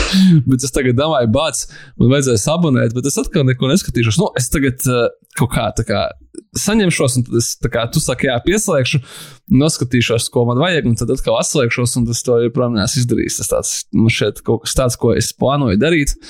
Bet es nezinu, vai es to vispār izdarīšu. Man liekas, ka tas citādāk notiks. Es varbūt nopirkšu jaunu Apple ierīci, un atkal pie, būs kaut kāds gads vai pusgads, un tad kaut nenoskatīšos. Un, un tā. Cik tādu servisu būtu, Ieva, kurus tu vienkārši abonētu un turētu? Vai cik vispār tu varētu orientēties viņos? Cik ir ok? Vai viņi nu, pa daudz? Nē, nu, es saku, nē, man, kā, man netraucē tas, ka viņi ir daudz, jo, es, ja man ir šī iespēja viņus tā, nu, tā selektīvi izmantot, tad, kad man vajag, tad es novērtēju šo dažādību, tas ir ok. Tā saka, tā permanenti man tikai pāris turās, kurus, uh, kurus, nu, kurus es vienu neizmantoju, kur ir kā, nu, tie dažādie profili, kur attiecīgi ir arī vēl citi cilvēki pieslēgušies, bet, teiksim, tādām savām vajadzībām, saku, jā, teiksim, paņēmu uz vienu mēnesi Apple TV. Plus es tagad paņēmu tikko nostīties Tudors Vieplay arī uz mēnesi, samaksāju, ko cik tur 3, 33 vai kaut kas tāds. Nu, tā kā, ka es tā, tā paņemu, tad uz to mēnesi, tad tāds man nav, man, man ir krietni vienkāršāk samaksāt šo, šo naudu, un tad man divu kliku šatāmā viss atrodas, es esmu ļoti priecīga ar to. Vienīgi, kas, protams, tev frustrē, ir tās dažādas, uh, visi tie dažādie interfeisi un, un, un, un tās uh, spēlēšanas platformas. Un, Un, un viss kaut kas cits, kas vienā tur varbūt platformā ir labāks, otrā netik ļoti, bet nu, tā, tāda ir tā dzīve. Valodas. Valodas arī, jā. Subtitri. Nu, man galvenais, uh, lai ir uh, angliski vairāk. Jā, nu, man patīk, ka ir angļu subtitrs. Joprojām dažreiz skatos tā, vai kaut kā nezinu, vieg, vieglāk uz, uztvert. Un, un tā, un tas kaut kādos vietējos ļoti tracina. Būs, kā jau teicu, tec, tec jau droši vien tāpēc, ka pieslēgums tetē. Ja? Nu jā, tāpēc, ka internets un tad viņiem arī mums nāk mm, līdz. Nu, vat, viņi saprot, ka, ja nebūtu tas pieslēgums, tad, tad būtu grūti. Bet gadījumā tā fragmentācija man šeit ir diezgan liela. Un, Un tad, uh, un tad uh, tas gala rezultāts ir tāds, ka katra no platformām grib kaut ko sev, un parasti grib kaut ko sev ekskluzīvi. Un uh, tās tiesības arī beigās sadalās, tā skatā, teiksim, filmām un seriāliem, nu, vairāk jau, teiksim, filmām. Un tā, ka tu vairs nesaproti, kas ir, kas ir kur, un lai vienkārši uzskatītos filmu, skaidrs, ka Netflix filma būs Netflixā. Un, bet, ja, piemēram, tagad es domāju, hipotētiski, nu, labi, būs HBO Max, tad tu gribēsi vienā mēnesī noskatīties kaut kādu jaunu Max filmu, un tad tu gribēsi vēl kaut kādu vēl, un, Apple, un tad tu beigās būs tricārs mēnesī jāmaksā. Vai tev būtu jāgaida? Un tad tu nevarēsi būt up to date un, un kaut ko runāt. Ja tu šomēnes esi paņēmusi viepoju, nākošais mēnesis tev ir HBO Max mēnesis, un pēc tam tev ir Disney pusmēnesis. Es tāpat es vienmēr eju caur saviem sarakstiem, un tad, uh, nu, tricārus vēl neesmu nevienā mēnesī savākusi. Tik traki nav bijis. Uh, kaut kā ir paveicies ar to, ka, nē, ka tas nav tik traki. Bet būs godīgi lētāk vai nekļūs? Nē, nu, protams. Viņa cena tikai augs, un arī tiem, kas šobrīd ir lētāk, es domāju, cik ilgi tas Apple TV pusi, nu, pat vismaz kaut kādu eiro vai diviem, es domāju, viņš celsies kaut kādā brīdī. Tur ir diezgan skaidrs, ka tikko viņi uzbūvēs pietiekošu lielu bibliotēku ar kaut kādām savām filmām, tā tas, tā tas arī notiksies. Tur ir tas interesants trends par to visu. Es, es, es esmu daudz par to cilvēkam jautājis, un skaidrs, ka visiem jau liekas, ka kā, nu, daudz tie straumēšanas servisi nu, ļoti nu, daudz un kļūst vēl vairāk. Un, uh, tas fakts jau ir tāds, ka viņi kļūst tikai vēl vairāk, un uh, saturs viņās kļūst vēl fragmentētāks. Tāpēc, ka jā, katrs servis, nu, tas, kas viņam ir ekskluzīvs, taisīs tikai priekš sevis. Un, uh, un ja viņš pieder kaut kādām studijām vai, teiksim, tiem lielajiem konglomerātiem, kuros ir iekļauts kādas studijas, kur mēs, piemēram, labs piemērs ir HBO Max ar uh, Warner Brothers studiju un attiecīgi viņas saturu, tad skaidrs, ka viņi centīsies darīt visu, lai Warner Brothers uh, saturs ir ražotais saturs tikai un vienīgi HBO Max un nekur citur. Un, uh, un, uh, nu, jā, nu, tad būs vienkārši kaut kādā brīdī jāizvēlas. Uh, bet kas ļoti interesanti, tad uh, jau vismaz divus gadus, uh, vismaz ASV noteikti, es domāju, ka tas ir visā pasaulē un arī pie mums šis trends nonāks, kad ir uh, aizvien lielāku popularitāti iegūst uh, straumēšanas servisi, kas ir bez maksas. Un es domāju, ka tas ir tiešām vērā tāpēc, ka cilvēki vienkārši gan faktiski, gan arī emocionāli nav gatavi maksāt vairāk par diviem vai trim servisiem mēnesī. Bet, ja par viņu nav jāmaksā, tad arī par to nesatraucies. Un, teiksim, ja tev ir uz televizora YouTube ikona, tad par viņu nav jāmaksā, tad tur skaties visu kaut ko. Tur es arī skatos visu kaut ko YouTube uz, te, uz teļuka. Un, uh, un man sirds ir mierīga par to, ka man netiek katru mēnesi nauda, un es nesatraucos, ka tas kā pa, tu, pa tukšo kaut ko dedzinu. Un, jā, un šeit bezmaksas traumēšanas servis, kas dzīvo praktiski tikai vienīgi uz reklāmas bāzes, gūst aizvien lielāku un lielāku popularitāti. Un es domāju, ka, kā jau visi trendi, arī šis trends pie mums agrāk vai vēlāk nonāks, un pie mums arī būs kaut kādi. Piemēram, tas pats uh, NBC, un, NBC Universal, kuram ir straumēšanas servis Peacock, kuram ir no lielajiem, manuprāt, šobrīd tas ir vienīgais, kuram ir oficiāls bezmaksas uh, tas, uh, abonentu līmenis, kur tev rādi, tiek, tiek, tiek rādīts reklāmas. Uh, un nav pieejams viss saturs. Un HBO Max arī par to ir runājuši, ka viņi iespējams nākotnē piedāvā šo, šo abonementu līmeni, kas ir bez maksas, bet ir ar reklāmām, un kurā nav pieejams viss, bet tikai daļa no šīs straumēšanas servisa satura. Toties, nu, viņš ir te teorētiski vai tehniski, viņš ir bez maksas. Un es domāju, ka arī kaut kas tam līdzīgs visticamākais mūs gaida arī no Disneja puses, tāpēc, ka nu, tas ir tāds trends, ko viņi vairs nekādā veidā nevar ignorēt. Mūsu visam reģionam tas varētu būt vēl jo aktuālāks. Uh, mums ir Megogo straumēšanas servis, kurš, uh, manuprāt, kaut kādu brīdi eksistējis uz tāda ad-supported modeļa. Uh, nē, neesmu drošs, ka vēl joprojām, bet. Tur, starp citu, kaut kas ir pieejams be, pilnīgi bez maksas, jo kaut kad es savulaik vienam rakstam kinokults LV lapā kad uh, mēs nu, cenšamies salikt, uh, kur filmas ir iespējams noskatīties, uh, kurus mēs esam minējuši rakstā, kuros straumēšanas servisos. Un es atradu kaut kādu vienu filmu, kas bija jā, šajā Megogo servisā, un viņi vienkārši tur sāka spēlēt. Nu, kas viņi nebija nekāda, ne tev nekas jāreģistrējas, nekas viņi tur tāpēc bija pieejami. Jā, jā, jā, tāpēc, kad uh, viņi var atļauties nopirkt uz to reģionu. Jā, tur nu, kaut kāds ir. Tu, tu vari, tur, tur viņiem Protams. ir dažādi varianti. Tu vari vai nu tā kā, kā subscription modeli izvēlēties, ka tu nu, maksā katru mēnesi un tad skaties, uh mhm. -huh. kas ir pieejams, bet tur arī atsevišķas filmas pirkt. Jā, bet tas, jā, uh, uh, tas trends arī diezgan skaidrs, tāpēc, ka tiešām to platformu paliek ļoti daudz. Un uh, nav tik daudz cilvēku, lai viņus visus apkalpotu. Un vairāk jau vien, jā, ka nav tik daudz cilvēku, kas gribētu viņus visus apmaksāt. Un, uh, Un, un, un tiem, kas varbūt nav prasīgāki, kā es minēju, tie var vienkārši skatīties bez maksas kaut ko. Un, no, tas, kas ir to, to arī rāda. Nu, Un tad tu tevi ievilina, un tad tu tā kā, oh, es varbūt gribu vēl kaut ko nostīties, bet par šito jāsamaksā, un tāds, nu, varbūt es arī tagad samaksāšu. Mm, exactly, tieši tā, tā tieši tā, strādā, tieši tā. Es skats, nu, ka saturs jau arī, būsim godīgi, uzkrājies pietiekoši daudz pa pēdējiem gadiem, 50, ja neteiksim, 100, kuru var demonstrēt un kaut kādā veidā viņu spēlēties un, un uh, izrādīt dažādās, dažādos veidos, lai piesaistītu. Nu, skaidrs, ka beig, beigu beigās jau kaut kādu naudu gribēs no jums paņemt. Tādā vai citādā veidā, bet uh, nu, vai nu caur abonementu, vai nu caur reklāmas atrādīšanu. Nu, skatīsimies, redzēsim, kā, kā tas nāks pie mums un kā tas arī izpaudīsies lielo spēlētāju straumēšanas servisos. Bet uh, Es domāju, ka mēs, mēs varam ne tikai nevis noskipot, bet vienkārši atzīt to, ka uh, mūsu pirmais un galvenais spēlētājs joprojām ir Netflix. Mēs jau zinām, ka mēs viņu visi abonējam.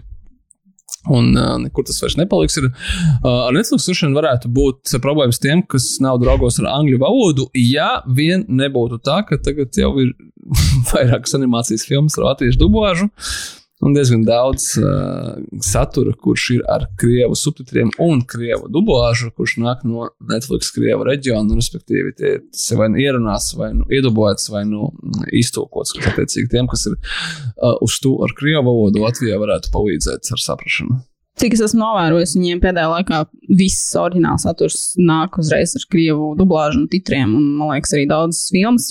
Drīzāk, man liekas, problēma, jā, tur varētu būt ar tām ne Netflix oriģināla lietām, ka, ka, kam varbūt reizēm pietrūkst krievu titri. Bet uh, visam, man liekas, kas iznāk kā oriģināls, viņiem uzreiz jau ir klāt. Tā kā, ja, ja, ja, ja ar krievu valodu draudzēties, tad tur tiešām nav problēma ar to. Es uh, nesakoju par to, vai tur būs kaut kas ar latviešu subtitriem, tāpēc es domāju, ka tas vienkārši atbildi nē. Kaut kad bija Bet... vienreiz, es redzēju, man liekas, Better Call Saul vienu sezonu ar latviešu, latviešu subtitriem. Kaut kas tur ir kā, ļoti mistiski kaut kad parādījies, bet uh, nu, tā sistemātiski tas noteikti tur nav. Bet, uh...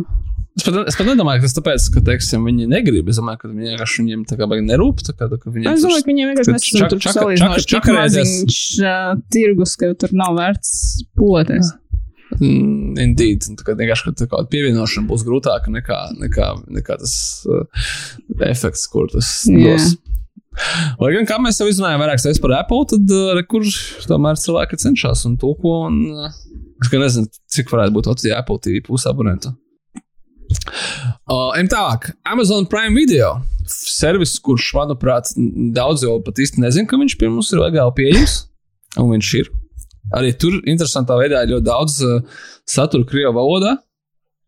Droši vien, ka kaut kādā ziņā tas nāk no kaut, kāda, kaut kādas reģionalitātes, un uh, kurš ir samērā pieejams, ir diezgan lētāks nekā, nekā Netflix vai viņa analogi. 5, 9, 9 mēnesi joprojām par, par Prime video, un kurā joprojām ir ļoti daudz ekskluzīvu seriālu. Manuprāt, seriāli tas ir viņu, tas jājams dzirdējuši filmas, viņiem tad ir tāds, nu, viņiem bija Borats, tas pats jau Tomorrow War minētais ar uh, Krisu Pratu un tā. Uh, bet tieši Amazonas seriāli ir uh, tas, kas varētu jūs piesaistīt šajā platformā, tādi, kas ir tur, nav nekur citur piemēram, Kredzena pavalnieks seriāls. Nu, tas nu, būs gan no, nā, jāpagaida. nākamā gada septembrī viņa solums. Nu, redzēsim, vai tā tiešām būs vai nē, bet nu, gan, jau, gan, jau, gan jau, ka būs. Uh, šī gada novembrī būs Wheel of Time seriāls Amazonā. Uh, tikai tur būs uh, The Boys, trešā sezona un spin-offs. Uh, tikai tur var atrast tādu seriālu kā uh, Fleabag, Modern Love, Jacks Ryans un arī Džeks Rīčers, ap citu drīzumā, uh, kuri iespējams satiksies vienā seriālā. Mums šeit, tur viņi kā kā teica, ka viņi to tur bū, būvē. Viņiem ir Treadstone, uh, Jasona Borna seriāls bez Jasona Borna. Ar labā ziņa tāda, ka viņš A, viņam nav daudz sēriju, B, viņš jau ir beidzies. So, citu, es biju pārsteigts, kad Carnival Row seriālā viņa uztaisīja otrā sezonu. Tas arī drīzumā būs ar Ruando Bumu un Kāru. Karu deva viņu. Viņi un, arī tikko sāka Good Omens otro sezonu. Un, jā, Good Omens un, uh, un uh, Bosch uh, un The Expanse un, un viss ir diezgan daudz, kas viņam ir un, un vēl tikai arī būs. Ik pa brīdim Amazon sapāk arī kādu jaunu filmu. Uh, piemēram, vai ir astoņ, astoņas, kā viņi nopirka no Jasona Būma tos savus Boomhouse šausmu filmus. Dažādas kvalitātes, bet, bet astoņas. Un, starp citu, Prime video izrādās ir arī viens no mums pieejamiem straumēšanas servisiem, kur aizceļo dažādi, teiksim, Hulu projekti, jo Hulu kā straumēšanas platforma pie mums nav legāli pieejama, bet tas saturs, kas viņiem iznāk ASV Hulu, viņš ir, um, ko mēs jau esam minējuši iepriekš, arī iznāk uh, savukārt pie mums, mūsu vietējās platformās, kas viņu kaut kā no, nopērk un iegūst. Un, teiksim, uh, Prime video ir tas nesen iznākšais Nine Perfect Strangers, ko es tikai nesen pamanīju, kas yep. ar Nikolu Kidmanu un tur vēl ļoti daudziem pazīstamiem cilvēkiem. Un jā, viņš ir prime, prime video. Savukārt, teiksim, Handmaid's Tale atkal ir citur bijis uh, Latvijas mobilā telefona vietā, televīzijā, teiksim, un, un, un tā, ka tā, tā, tā, tā, tas saturs vis kaut kur pie mums citādi atceļo. Noslēdzot šo, man liekas, kad visiem tiem, kas saka, o, es jau noskatījos visu Netflixā, man vairs nav ko skatīties, ne, nu, come on, vismaz uz mēnesi pamēģiniet šo, tāpēc, ka uh, tas satura tiešām daudz, diezgan, diezgan, diezgan daudz, un ja, angļu valoda nav problēma. Nu, ja jums Netflix ir, tad jau droši vien nav problēma. Dodiet iespēju, vai dodiet naudu Jeffam Bezosam, dodiet iespēju Amazon Prime video. Nu, izmantojiet to argumentu, kurš jums ir tuvāks, un, un pamēģiniet. Apple ir daudz, kā mēs jau minējām, daudz kaut kāda laba stāfa. Būs vēl vairāk. Katalogs nav ļoti liels, tāpēc, ka nav svešo pirkto filmu no citām studijām, bet uh, Nu, ja ne tagad, tad nākošais gads, man liekas, Apple točam būs jānāk. Bet, zināmā mērā, nē, nē, mums taču būs tūlīt um, Ziemassvētkos, būs tā Toma Henka filma par robotu suni. Tad jau man būs jānopērk arī Apple. Uh, sauksies. Uh, un tad jau arī Mārtiņš Skorsēze ar savu jauno filmu, Vils Smits ar Antoinu Fukua jauno filmu. Tā arī būs Apple. Un uh, vispār jā, uz nākamajiem diviem gadiem viņiem tieši filmetrāžas filmu ziņā ir diezgan labi viss sakārtots ar ekskluzīvo saturu. Tā kā, tā kā pievērs, pievērsiet uzmanību īpaši tagad, kamēr viņš šo maksā 4,99 mēnesī. Uh, vai ir kaut kas vēl no pasaules platformām, ko es varbūt esmu aizmirsis? Mubī! Mubī, Kas jā. mums sveto mubī? Šobrīd nē. Tu esi svetojies mubī. Kaut kad, kaut kad sen apakaļ, kad tur bija kaut kas, ko es ļoti specifiski toreiz gribēju noskatīties. Es to nepateikšu, kas tas bija, bet uh, viņi, jā, viņi arī tāda īpatnēja platforma. Tur ir ļoti daudz visādas tādas neatkarīgāk kino filmas jūs atradīsiet. Nevis tādu mainstream klasisko. Es atzīšos godīgi, ka es neesmu nekad lietotājs mubī. Un tam ir divi iemesli. Pirmkārt, es laikam visticamākais neesmu mubī auditorija. Mī, mēs to visu zinām. Mēs varam to pateikt arī skaļi. Sergejs nav mobīļs cilvēks. Tur nav Laima Nisana jaunāko filmu, par kurām es pēc tam varu izstāstīt podkāstā un pabrīdināt citus.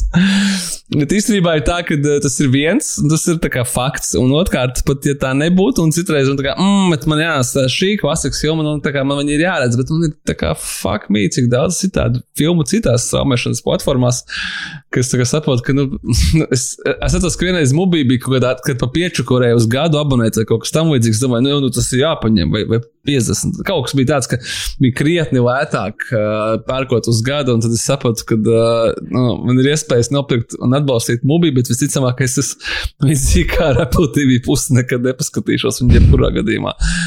Tā kā tā, uh, bet uh, zinu, ka daudz cilvēku lieto. Ka man, teiksim, par rādio mēs runājam, Toms Grēviņš, viņam ir divas straumēšanas platformas, viņam ir Netflix un viņam ir Mubī. Tas tas mums ir ideālais līdzsvars. Tu kā paskaties normāli jauno uh, Dvēna Džonsona vai Raina Reynolda filmu, un tad noskavo viņu ar kaut kādu mobīlu filmu. Vai arī otrādi. Bet, uh, bet, jā, bet es, es visu cieņu. Tā kā man šeit ir krūta platforma, tāpēc, ka, uh, nu, arī tāpēc, ka viņi cīnās. Un, nav, jau, nav, jau, nav jau tas viegli, un viņi visu kaut kā mēģina. Bet jau kā tur tagad ir? Tur joprojām ir viena filma dienā, ja tur ir kaut kāds katalogs, kaut kā viņi tur bija eksperimentējuši to visu pasākumu. Oi, man liekas, tur dažādi. Nu, viņiem, man liekas, tas, ka nu, viņi pievieno pa jaunai filmai, man nāk katru dienu, kas tur kaut kāds jauns, viņu, vai tas ir ieteikums vai, vai, vai jaunums, kas ir. Un tad, man liekas, viņš ir uz mēnesi pieejams. Es saku, es viņu ļoti sen esmu lietojis, tāpēc es to tagad mm. nepateikšu visu, visu svaigāko informāciju, bet uh, viņiem tur birst iekšā jaunumi un tad uh, uz kaut kādu laiku ir pieejami. No tā, kas mums nav pieejams, bet drīzumā būs, varētu būt HBO Max. Tad gaidām, uh, gaidām tā skaitā, lai uzzinātu, kas tad būs tajā, tajā Latvijai pieejamajā HBO Max versijā un kas notiks ar to HBO saturu, kurš šobrīd ir uh, LMT vietā, televīzijā un tetā iekšā. Vai viņš pārklāsies, dubojasies, ja tur būs kaut kas ekskluzīvs. Es sapratu, ka no tās HBO Max relīzes, ka, nu, ka viņi nāk jā, kā, kā platforma iekšā, bet ka arī tas saturs turpinās caur arī caur citiem citiem piegādātājiem, kas šajā gadījumā, kā teica, ir LMT televīzija un TET, ka, ka, ka viņš laikam nepazudīs no turienes. Vismaz tā es sapratu no tās viņu relīzes. Tā kā, tā kā gaidām. Nu, un tradicionālais spēriens pa Disneju, kad jau beidzot ieslēgs iekšā to savu platformu ar visu savu stāfu, kas tur būsams. Gal galā viens pats mājās jaunais ir jāskatās, un ko tu mēs tagad darīsim. Mums būs jādzīvo ar Kevinu joprojām. Es nezinu, vai mēs būsim kā zaudētāji gan šajā situācijā. Mans plāns ir noskatīties viens pats mājās trīs šogad. Uz Ziemassvētkiem. ok. Es neesmu redzējis. Priekš manis eksistē tikai Kevins Man Makalisters. Man varbūt, nē, es gribētu, tu ceturto jau es vairs neatzīstu, bet par trešo man ir diezgan siltas jūtas, jo es atceros, kā mēs viņu braucām skatīties Zvaigznājiem kultūras namā. Tā ir nostalģija, bet Jā. vai tur ir kvalitāte? I don't know. I will find out. Viens pats mājās, trīs un Rockies. Ziemassvētku kino manās mājās. Es ļoti ceru. Labi, skaidrs, ka kad, um, ne tikai pasaules saviem milži cīnās ar saviem ekskluzīvajiem piedāvājumiem un par jūsu naudām un par jūsu kredītkartes datiem, ko ievietot viņu šajās te, uh, logos un, un sūkt no jums ārā naudu katru mēnesi. Bet arī vietējie straumēšanas servisi, vietējās mūsu piegādātāji un, un lielās lielā korporācija vietējie atzari, kas tieši to pašu ir, vai jūs darat ar viņiem. Daudzos gadījumos, kā jau arī Līva tavā gadījumā, viņi izdarīja šotīgāk un piedāvā to kopā ar interneta pieslēgumu. Te mēs varam teikt, ka tas ir attiecās gan uz tētu, kas piedāvā savu tētu pūles platformu, gan uz uh, Latvijas mobilo telefonu, kas piedāvā LMT vietu televīziju tādā veidā, gan arī uz GO3, kas iet kopā. Tad šeit tad ir biti, šeit tad ir zelta ziltuņa, vai fu, tev divi. Nu, tā es esmu redzējis, es redzu, ka tur nav kaut kāda vienotība, bet uh, Bet uh, katrs no viņiem cenšas veidot arī savus oriģinālus saturus, oriģinālu raidījumus, oriģinālu filmas un oriģinālu seriālus ar uh, lielāku vai lielākiem vai arī mazākiem panākumiem. Kā, kā, kā, kāds ir tavs skatījums uz šo lokālo oriģinālu satura tirgu? Es atzīšos godīgi, ka es neko neesmu skatījies. Mm, no, nevienu. Nē, es tev mamoju. Es redzēju uh, lielos muļķus. Pirmā sezona. Jā. Varbūt arī otrā. Es arī uz Nē, otru es neredzēju. Trešo, trīs sezonas ir. Jā. Uh, nu, labi, iziesim, iziesim cauri. Mums ir, uh, mums ir uh, nu, labi, sāksim ar to, to minēto tēta pusi. Tas, kurš kas ir pie tevis. Uh, es domāju, ka tēta pusi, kā minimums, daudziem pēdējā laikā ir kļuvis zināms ar to, ka tur ir Emīlija, Latvijas preses karaliene. Jā. Uh, seriāls, kas ir tur ekskluzīvs un kuru rāda arī kinoteātros. Un beigās, beigās, manuprāt, daudziem jau ir sajūta, kas, kas ir tā ir filmas seriāls, kur viņš vispār ir, kur viņš nav. Un Tā. Es joprojām skumstu, kad uh, es nevarēšu noskatīties visu šo seriālu uh, maratonā, kinoteātrī kā suns. Viņa bija. Bet vai visas... viņi nepateica, ka būs tomēr? Ne, nu, ka kaut eventuāla droši vien, ka būs. Līdzīgi kā kinokūta seanss arī eventuāli turpināsies, bet kad tas notiks, to mēs vēl nezinām. Bet, ja kurā gadījumā, lai tas nebūtu, tā Emīlija pieejama šobrīd, man šeit viņa viss jau ir izgājusi, viņa ir beigusies. Nu, ir, ir, es tā, tā ka tēloju, ka es nezinu, īstenībā, īstenībā jau zinu, jā. Nu, lūk, un uh, dažs no, no, no tiem pēdējā laika tas ir tāds skaļākais. Uh, tur gan ir arī jau tas pieminētie lielie muļķi, Un, starp ah, un bez vēsts pazudušās mūsu trilera seriāls, kuram, starp citu, būs arī otrā sezona, kura jau, es nemā, ne, nemaldos, jau ir arī uzfilmēta. Šoreiz gan nav vairs balstīta uz uh, romānu, bet izdomāta priekš, uh, priekš uh, seriāla kas man ir vieš kaut kādas zināmas šaubas, bet, bet ļoti interesanti, jā, kā, kā Tets uh, ieguldās šajās te uh, savos oriģinālu raidījumus. Uh, tad ir mūsu atbalstītājs LMTV televīzija. Kurš gan uz kaut kādu laiku man šeit ir pieklusis ar saviem uh, oriģinālu saturiem, bet uh, viņiem ir uh, ļoti plaša kolekcija ar pašmāju filmām, kas mums šeit ir diezgan krūta. Uh, kas ir interesanti, tad MTV televīzijā ir arī uh, Latvijas kino klasika. Tur nu, četri balti krēkli, vēl kalpi, cepulis un tā tālāk un tā joprojām. Kā arī diezgan paliela kolekcija ar uh, latviešu režisoru īsfilmām, kas man liekas, īstenībā ir forši. Tāpēc, kad uh, nu, īpaši jauno režisoru īsfilmām, uh, kas uh, dod ne tikai ieskatu tajā, ka, ko no viņiem varbūt gaidīt arī nākotnē, bet arī tajā, ka, uh, manuprāt, viņas nevienmēr ir publiski pieejamas. Tas bija mans kaut kādā brīdī lielais šoks, kad uh, likās, nu kā tu tur mācies uh, kultūras akadēmijā, uztaisīt kaut kādu īsfilmu, nu ko tu dari, nu tā kā ieliec viņu YouTube. What, what's your problem? Zinās, ka tas nav tik vienkārši, un, uh, un autortiesības lielākoties to īsti darīt neļauj, līdz ar ko tu vari būt jaunais un daudzsološais un centīgais režisors, Bet tu savu izfilmu vari parādīt kaut kādiem draugiem, aizsūtīt viņiem Vimeo linku ar paroli, ja tāds ir. Bet eh, nu, publiski īsti nē. Līdz ar to man vienmēr ļoti priecēja, ka šāda veida saturs ir parādās kaut kur publiski, un kad actually tās platformas viņu pērk no šajā gadījumā autortiesību turētājiem un, eh, un ļauj cilvēkiem noskatīties. Nu, lūk, un eh, plus jau jāmin gan LMTV televīzijā, gan arī TET plus platformā ir pieejams plašs spektrs ar HBO saturu, tulkotu vai arī dažreiz ierunātu latviešu valodā. Un, kā jau mēs minējām, sarunā par HBO Max, tad, tad, jā, tad šajā ziņā šīs platformas dod īpaši, ja jums viņas nāk līdzi kopā ar interneta pieslēgumu, tad nu, HBO ir jūsu mājās un, un varat baudīt. Nu, laikam jau, manuprāt, jāsaka, ka valutatīvākā straumēšanas servisa labākos piedāvājums, īpaši, kas attiecās uz seriāliem. Nu, tu ir no kā izvēlēties. Turpinot ar pašmājas straumēšanas servisiem, Go3 uh, ir ļoti, ļoti aktīvi cenšas iekarot jūsu sirdis gan ar oriģinālu saturu, gan arī, kas ir, man liekas, uh, viņš ir vienīgais, kurš tā dara, bet tam ir iemesls. Tāpēc, kad, uh, kāpēc, ka viņam ir um, tā platforma ir uh, gan Lietuvā, gan Igaunijā, tur var atrast uh, ļoti daudz lietuviešu un igauņu satura, kurš ir iztulkots latviešu valodā. Un ar to es domāju lietuviešu un igauņu filmas un seriālus, kas ir uh, iztulkotas latviešu valodā. Personīgi aizskaru, es nezinu, aizskarošs piemērs tāds, ka tur ir kaut kāds šausmas ar kaut kādu lietuviešu kino blogeri, kas ir iztulkots latviešu valodā. Un es tā kā, come on, Džeki, come on!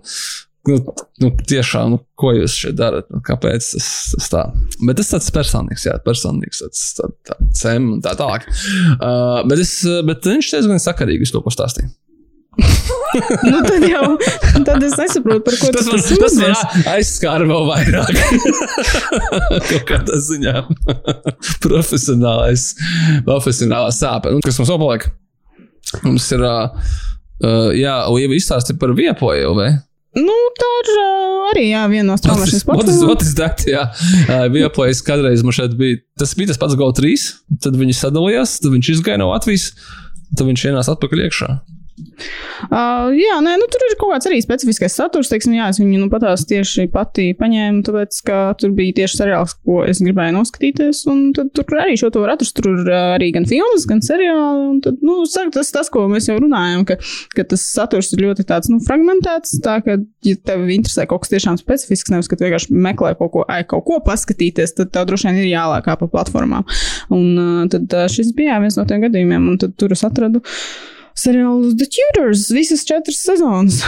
Un, un, un, un laimīgi noskatījos. Tur ir tā, uh, filmu kolekcija diezgan liela. Tur ir filmas, jā, tur ir arī seriāli, tādi, kas citur atkal nav. Uh, tā ka tur arī var ieskatīties, ja meklējat kaut ko, ja liekas, ka viss cits arī ir izsmelts, tad, tad kaut, kurs, kaut kas noteikti svaigs un citāds būs arī tur. Uh, tā ka jā, tas arī viens no variantiem. Vēl, protams, ko mēs nepieminējām, kad tu runāji par latviešu filmām, filmas LV. Filmas LV, jā, bet zinu, kā es arī tagad saku, domāju, ka tā ir straumēšanas platforma. Tā ir. Tā ir. Viņai nav, nu, apu, viņa, viņa nav, viņa nav aplikācijas, uh, nav aplikācijas uh, tālruņiem, vietāluņiem un televizoriem, bet es domāju, ka tas ir ok. Uh, bet Filmas LV ir uh, Nacionāla kinocentra atbalstītā platforma, kurā var atrast diezgan daudz uh, filmas, pašmāju filmas arī īsfilmas gan no Latvijas kino arhīviem, gan arī no mūsdienām. Nav tik daudz no mūsdienām, bet tomēr ir. Īstenībā tas arī kaut kāds tas interesants case par to, ka uh, mums nav pat vienotas Latvijas, ne, tikai vienotas Baltijas platformas, mums nav īsti vienotas platformas arī latviešu filmām. Uh, tā skaitā arī autortiesība. Mums ir filmas LV, kur var atrast šo to. Ko ir atbalstījis Nacionālais kinocentrs.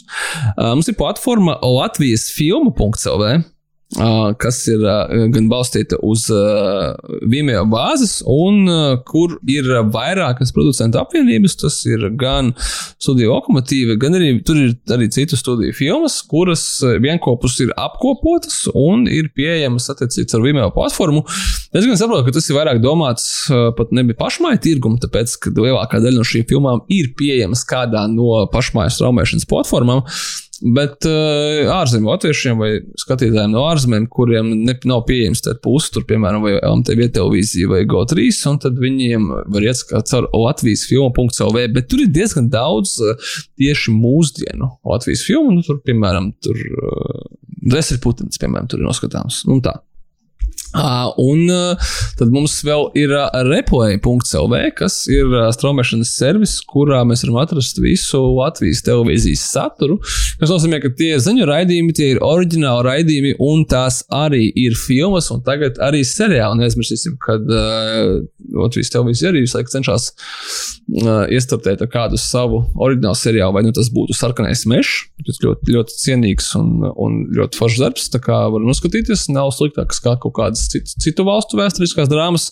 Jauniešu seriāli zem 16 pūles platformas un uh, bieži vien arī ļoti labas filmas, filmas, kuras tiek iegādātas izrādīšanai Latvijas televīzijā. Es es par to uh, ripoju ieteiktu uh, atcerēties tajā brīdī, kad Latvijas televīzija par kādu no Latvijas televīzijas kanāliem tiek demonstrēta kāda laba filma vai seriāls, tad jūs zināt, ka divu nedēļu laikā tu viņu vienmēr varēs noskatīties ripojā.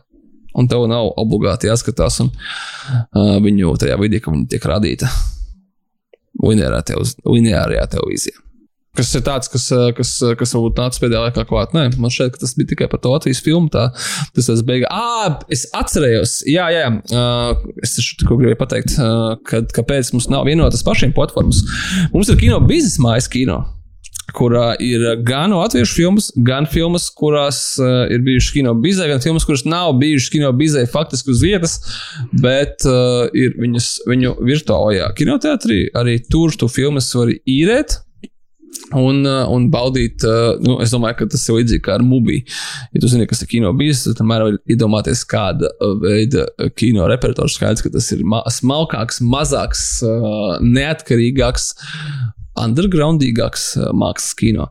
Un uh, es nevaru te piebilst, ne, nepiebilst, ka mums ir arī uh, Splendid Palace straumēšanas platforma, Uh, splendidpalace.cl, kurā attiecīgi var baudīt Splendid Palace repertuāru, straumējot to tiešsaistē, bet iegādājoties biļeti tieši tā, kā jūs būtu iegādājušies šo uh, biļeti uz, uh, uz kādu no Splendid Palace sēnciem. Jā, tas bija mans jautājums par to, kāpēc gan, nu, tas jautājums teorētisks un, un adresēts visumam vai tukšumam, atkarībā no tā, kā mēs to uztveram. Nu, kāpēc nevarētu būt tikai viens kaut kāds straumēšanas servis, uh, kur būtu teiksim, visas latviešu filmas un kaut kāda attiecīga noteikumi, kāpēc kādēļ producentiem vajadzētu viņus tur likt iekšā, piemēram, nezinu, Latvijas filmas LV vai filmas LV vai kaut kā tam līdzīga, bet nu, mums ir tas, jā, dažādi pašmāju arī servisi, kur un tā. Un kas ir pats galvenais, liekam, tas, ka mums nav, laikam, arī vienota servisa, kā mēs varētu atrast, kurā no pasaules vai Latvijas servisiem ir pieejama noteikta filma Jā, tā ir problēma. Jo tev ir jāmeklē būtībā pašam ir tas servis Just Watch, bet viņā nav, teiksim, tā pati Latvijas mobilā telefona vieta līdzi. Viņš arī nefiltrē TET. Tā kā, teiksim, ja tu aizies Just Watch, jā, un paskaties, teiksim, ja tu gribi tagad skatīties Succession, par ko visi runā, viņš to teiks, ka viņi Latvijā nekur nerāda, kaut kā tā nav. Tev ir iespējas, kur viņu atrast, kā, kā caur HBO satura piedāvātājiem. Tā ka, nu, reizēm šo to tu, tu atradīsi, bet uh, nevienmēr tā būs taisnība. Tā ka nu, tur tāds vienkārši manuāls darbs pašam jādara. Mm, tas tā kā, jā, katrs pats savs laimes kavējas, bet es domāju, ka tas, nu, neizbēgam beigās beidzās ar to, ka skatītāji vienkārši neatrod. Un tad, nezinu, meklē kaut kādus mazāk legālus veidus, kur ko noskatīties. Nu, latviešu jomām tas attiecās tieši tā, ka viņas vienkārši netiek atrastas un netiek noskatītas pārsvarā, manuprāt.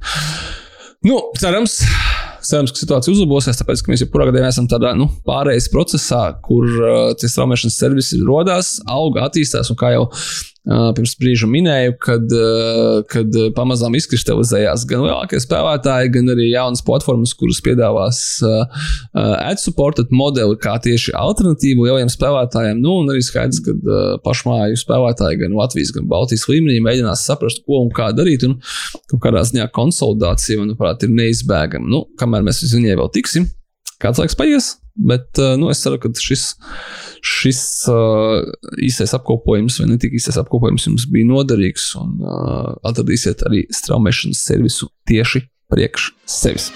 Yeah, well, you know, like, uh...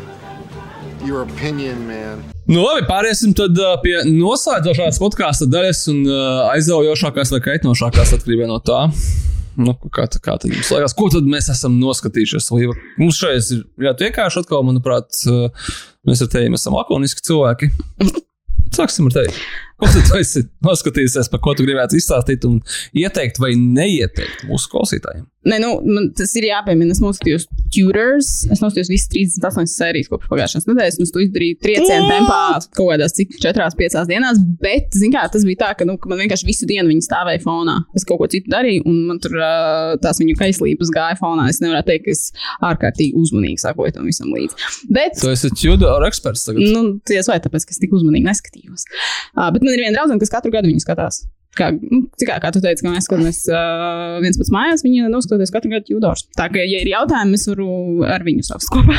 Bet uh, visām Viņai- sešām Henrija asotās iemām izgāja cauri. Viņai ļoti patīk tas aktieris, vai ne? Nu, viņai, nu, Ah. viņai interesē tas laika periods, viņa daudz grāmatas par to ir lasījis. Čau, ja nu tu gadījumā klausies, man liekas, ka nē, bet, uh, bet uh, jā, tā es tu. Es, kamēr es stāstīju, mēģināju atcerēties, kā viņu sauc, bet es aizmirsu. Un es nevarēju savu Jonathan Rhys Meyers? Jā, Jonatans Reis Meyers. Jā. Un Henrijs jā. Ah, ok, mans viss skaidrs, vai paldies. Jasna, paņēma. nu, lūk, jā, bet tas, nu, kā, tas bija vairāk tāda ķekša atķiksēšana, tā kā to es tagad esmu noskatīsies. Un tur, nu, vai nu tur tas laika periods interesē, tad, tad, tad droši vien jau ir redzēts, bet uh, īpaši neko daudz vairāk es neteikšu. Viņš, viņš, viņš teiksim, nu, tas nav The Crown līmenis.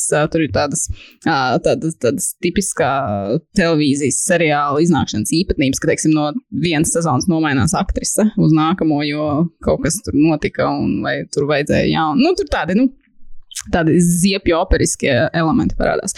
Bet tā vietā gan es gribu pastāstīt par citu lietu, ko es arī noskatījos Netflix, jo mēs, protams, atgriežamies pie šī giganta viena no pagājušā gada oriģināla seriāliem, oriģināla miniseriāliem The Eddie, ā, kur, kā mēs zinām, ar ko viņš bija laikam, nu, tā kā, ar ko viņu mēģināja pārdot, ir tas, ka Pirmās divas sērijas režisēja Dēmons Čezels, uh, Lala Land un Whiplash uh, režisors.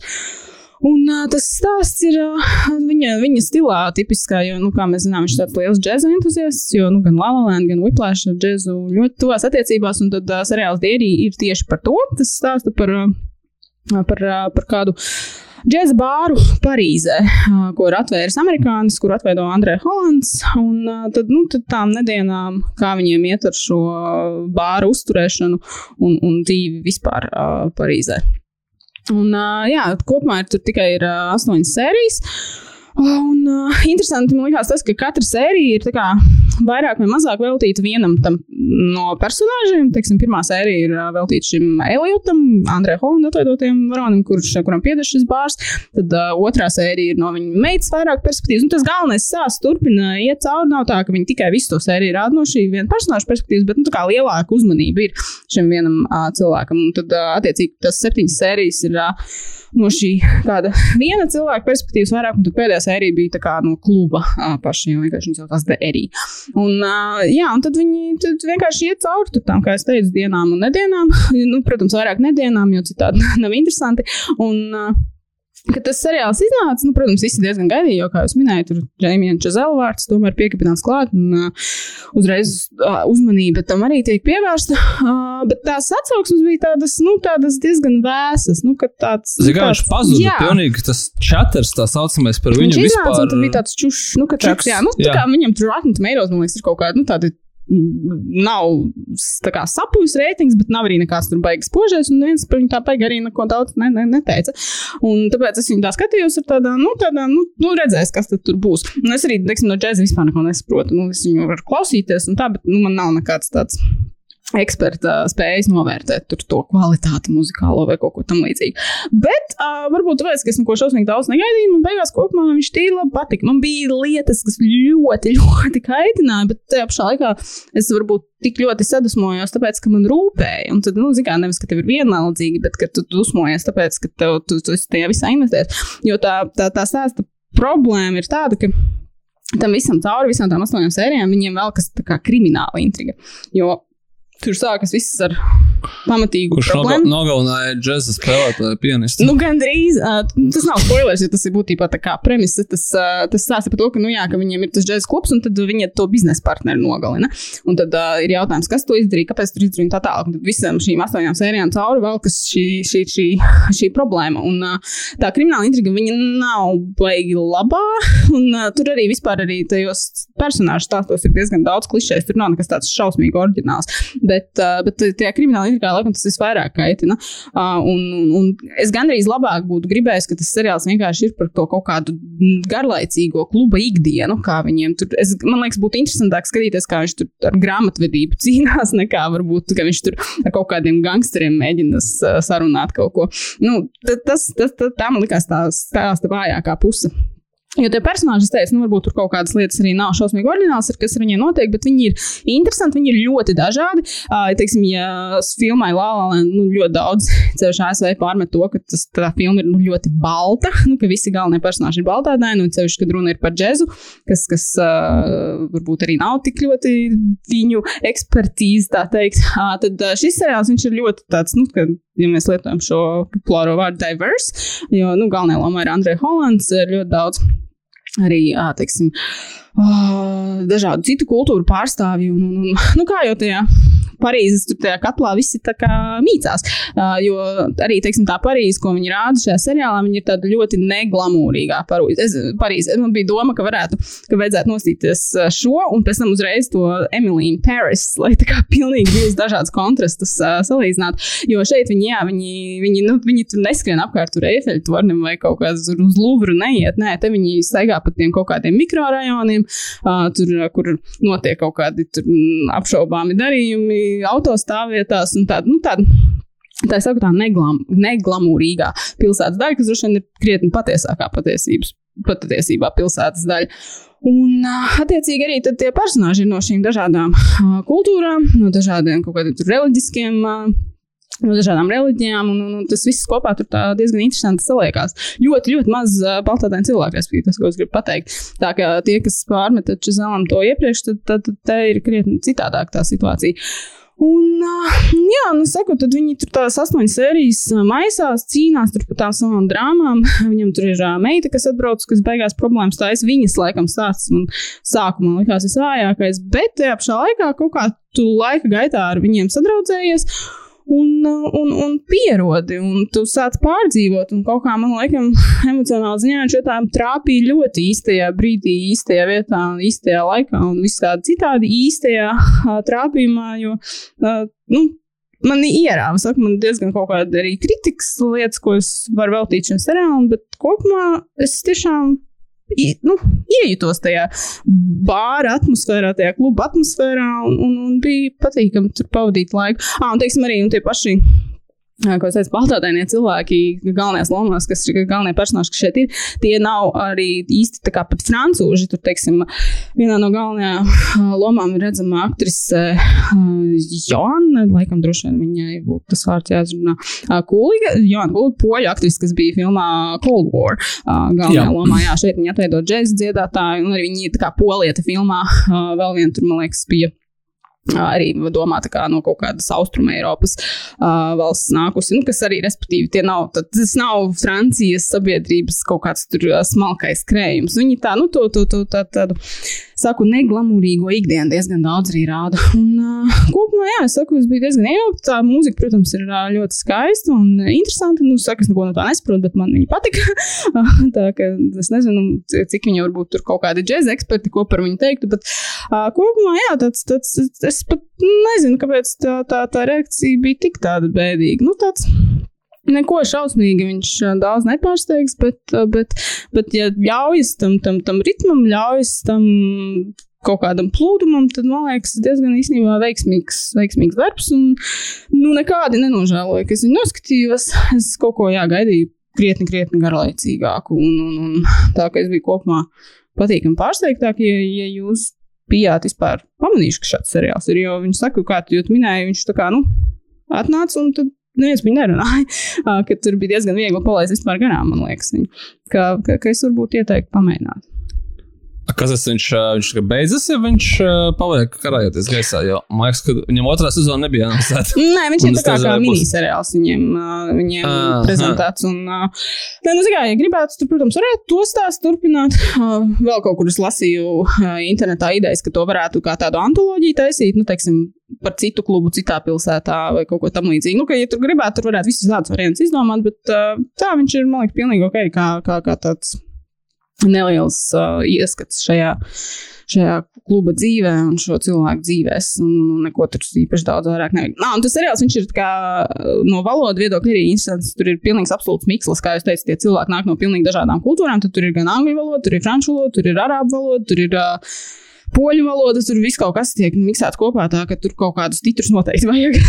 bet, bet viņi tā, nu, saka, tā diezgan autentiski to, man liekas, dzīvi mēģināja parādīt. Es nezinu, cik viņa varbūt ir patiesa, bet vismaz tā sajūta, ko viņi radīja, likās tāda, nu, īstāka nekā, lai man piedod Emīlija Parīzē, ko es vēl neesmu redzējis, bet cik es esmu spriedis no traileriem, nu tad tā nav īsti gluži tā Parīze, kāda viņa eksistē.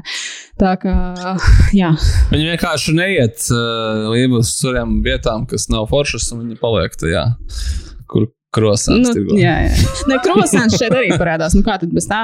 Bet, uh, bet, uh, bet ne, viņi nesēž viņu tur uh, ar eifeļu torni fonā, ne, ne, ne, ne, nedzer kafiju un nedzīvo viesnīcās, no kurām visiem logiem eifeļtornis redzams.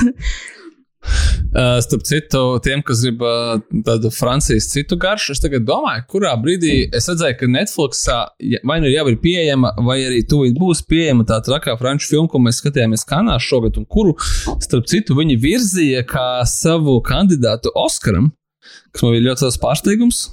Gan ir tikpat liels pārsteigums, kā tas, ka Titāns tika izvirzīts no Francijas, kā viņu mm. Oskara Oskar pieteikums, bet uh, filma Back Nord. Tieši tā viņa arī saucās uh, Netflix, un uh, tā stāsta par uh, tāda, tāda krimināla drāma par policijas vienību Marseļas visā drūmākajos kvartālās. Tas tāds, varbūt, es, es tieši kamēr tu stāstīji, es aizdomājos, kā mēs sauktu, ja šitie būtu, teiksim, tāds double feature, tur, teiksim, kaut yeah. kāds, tur kaut kas in Paris, un tad, ot, šitādu te otru 13. rajons retaliation, tad tā nosties, tā kā, oh, esi dabūjis visādas perspektīvas, ja? Kā mēs sauksim to, ka tu tā kā skaties seriāls, ja? Tu tā kā, uh, Double binge feature. viena sērija Paris, viena sērija un tad tā kā, ok, ok, es esmu dabūjis. Uh, tā, jā, bet uh, Back Nord uh, ir, viņi nopirka Netflix priekš uh, izrādīšanas visā pasaulē. Es redzēju, ka arī pie mums viņa, viņa bija kā coming soon, tā kā varbūt varat ievērtēt tādu alternatīvu. Bet es uzreiz aizdomājos, vai tu skaties arī, vai tu skaties to Baza Urmena Netflix seriālu par džēzu? Vēl nē, tas man arī kaut kur ir sarakstā. Jā, bet, bet tas arī tā, tā kā tikai... ļoti ātrā nāvē aizgāja kaut kā. Jā. Bet man, liekas, liekas tur, tā, kā, bet, kā, bet, tur, man liekas, bija bēdīgāk, tāpēc, ka tur bija, man liekas, domāts, ka viņš turpināsies, jo, teiksim, Dēdī viņš jau ir prezentēts kā miniseriāls, tur nav, nebija nekāda solījuma, ka būs mums tur tik un tik sezonas. Man liekas, ar to Baz Lurmanu seriālu bija tā, ka, nu, ka tur bija tādi tālajošāki plāni. Nu, viņš jau, nu, nevis ātrāk, viņš, viņš agonizē, viņam viņš ir 8 sērijas, bija, ne, 12 sērijas, kur vispirms viņi 6 izlaida, tāpēc, ka viņi tik ļoti aizkavējās viņa ražošanā, viņš aizgāja pāri budžetam katastrofāli un tā, ka tas nu, vismaz sešas pabeidz un parādām, un tad vēl sešas, un tad viņš tur ļoti ilgi kaut kā mocījās. Un... Kaut kā ar tiem muzikāliem seriāliem neiet, jo tas pats vinils arī ļoti. Jā, tur ir kaut kāds kurs. Tā, ko aizgāja, un tas Kas... uh, David Finčers seriāls beigās vispār netapa, ko viņš gribēja taisīt. Idiosinkrasitīvai. Jā, jā, video, jā. jā, kā viņš tur saucās, nekad nevarēja atcerēties. Kaut kur ir vairākas sērijas. Šis filmēja pāris sērijas. Ah, tas, jā, tas ir mans, sakam, uh, tur bija tā, ka tā utopija, ko viņš taisīja, un tad un, un to video synchronicity viņš, sakam, uztaisīja trīs vai četras, varbūt. Nu, es nezinu, ka kaut kā, ir kaut kas, kaut kas, kas ir uzfilmēts un pat salikts kopā, un tad HBO noskatījās un teica, ka, mm, nu, nekā nebūs. Nu, viņš tur beigās vispār viņam vairs nedraudzējās. Aizgāja apakaļ pie Netflix. Stupid, stupid, stupid. stupid. Mm. Uh, es būšu ļoti īsi. Es noskatījos divas filmas, un es turpinu savu kā, ceļošanu šausmu kino žanrā. Es pieņemu, ka tas kaut kādu laiku jau turpināšu. es teikšu, ah, uh, uz, uz Halloween es noskatījos neko citu kā M. Night Shyamalanas Village kuru es nebiju skatījies kopš 2004. gada, kad viņi iznāca. Uh, interesanti. interesanti. Es nekad nebiju skatījies viņu otru reizi, zinot uh, to viņas twistu. Uh, skatīties viņu atkārtoti. Likās, ka šausmīgi vilkās tā filma. Šausmīgi viņa vilkās, 1 stundu 45. Kaut. Nu, viņa nav garā filma, bet man liekas, ka, oh, Jēzus, kā tu velcies. Kā, bet nevis tā kā sliktā nozīmē, bet, bet piemēram, salīdzinot ar Šamalānu, tur um, Old vai Glass vai Split, viņas ir super dinamiskas filmas. Šī tāda ļoti tāda veco laiku filmu. Bet, uh, nu, labi, labi pavadīts laiks, un, un tās, mums, bet tā nav perfekta filma. Tā ir viena, iespējams, viņa, viņa tādām ar filmām, kurā ir visvairāk plusu un reizē visvairāk mīnus, un tā, un, un loģikas tā skaitā. Uh, un tad es biju, es biju izbraucis uz, uz laukiem, kā es tā saucu, un domāju, o, oh, noskatīšos kaut ko Netflixā, jā, uz, uz kompjutera ar 13 salīgu ekrānu. Uh, un es uzskatījos filmu The Right ar Antoniju Hopkinsu, 2011. gada filmu, režisors Mikls Hafstroms, uh, filmu par eksorcismu. Tas bija tas sākums un, tavam eksorcisma filmām, ko tu minēji gadā. Man liekas, man liekas ka, jā, ka tas ir, būs, es kaut kā laika vēl jau plānoju eksorcismu savu periodu. Un, uh, bet par to filmu mazāk, es tikai skatos, te Letterboxdā, ka visi mani paziņas, kas man ir piefoloti Letterboxdā, viņi ir salikuši divas vai vienu zvaigzni. Citējot. Uh, Tūlīt citējot, visus anspendosi? seriālu. Nē, bet tas šova randiņš ar dzelzīti, ko es noskatījos pilnā, pilnā, pilnā sezonu.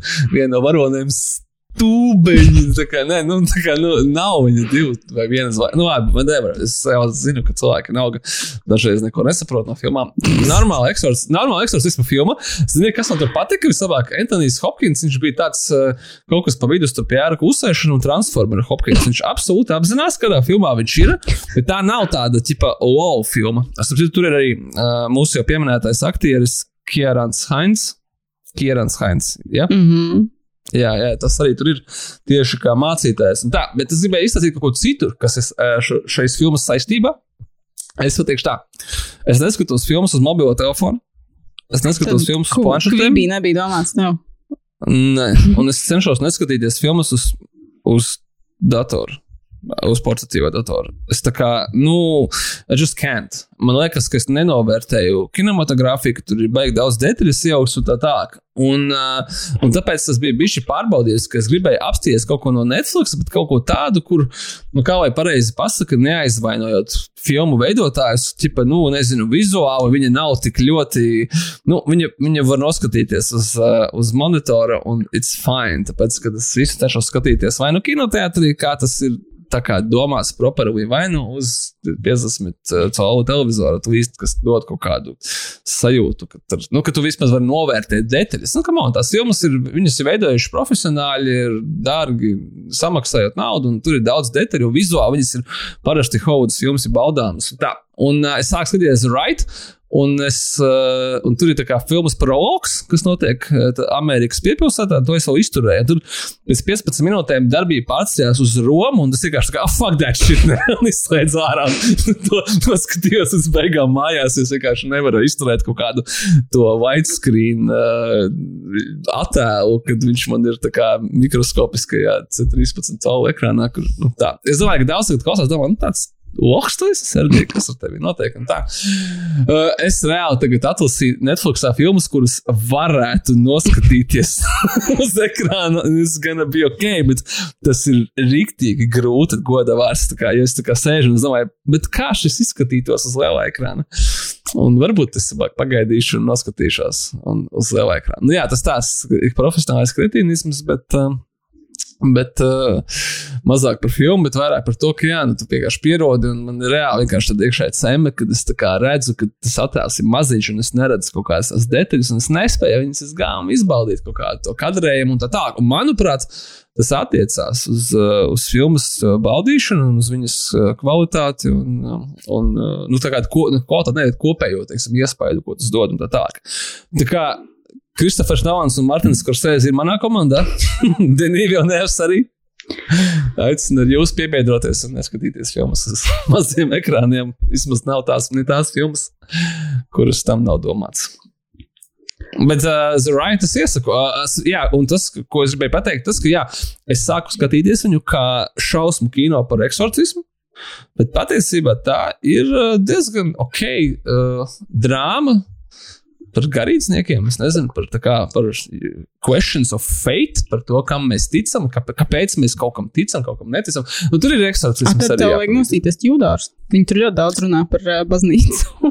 Iespējams, bet tur nav eksorcismu, laikam? Ja? Nē, tas gan tur nav. Nu, ot, tāpēc es, laikam, nu, nu tas, tas tā kā jau neesmu jau, jau pats tā kā noskatījis. bet es tagad zināšu, jā, bet, bet šī filma man stāvēja ilgi tie Netflix watchlistā, man viņi biedēja, likās, ka, ka es to skatīšos, pēc tam man bail būs un tā, un, un tur vispār nav neviena bailīga momenta, un es ieteiktu arī cilvēkiem, kuri neskatās šausmīgi, tas ir vairāk tāda, jā, reliģiska drāma, teiksim tā, un, bet ar eksorcismiem vairākiem.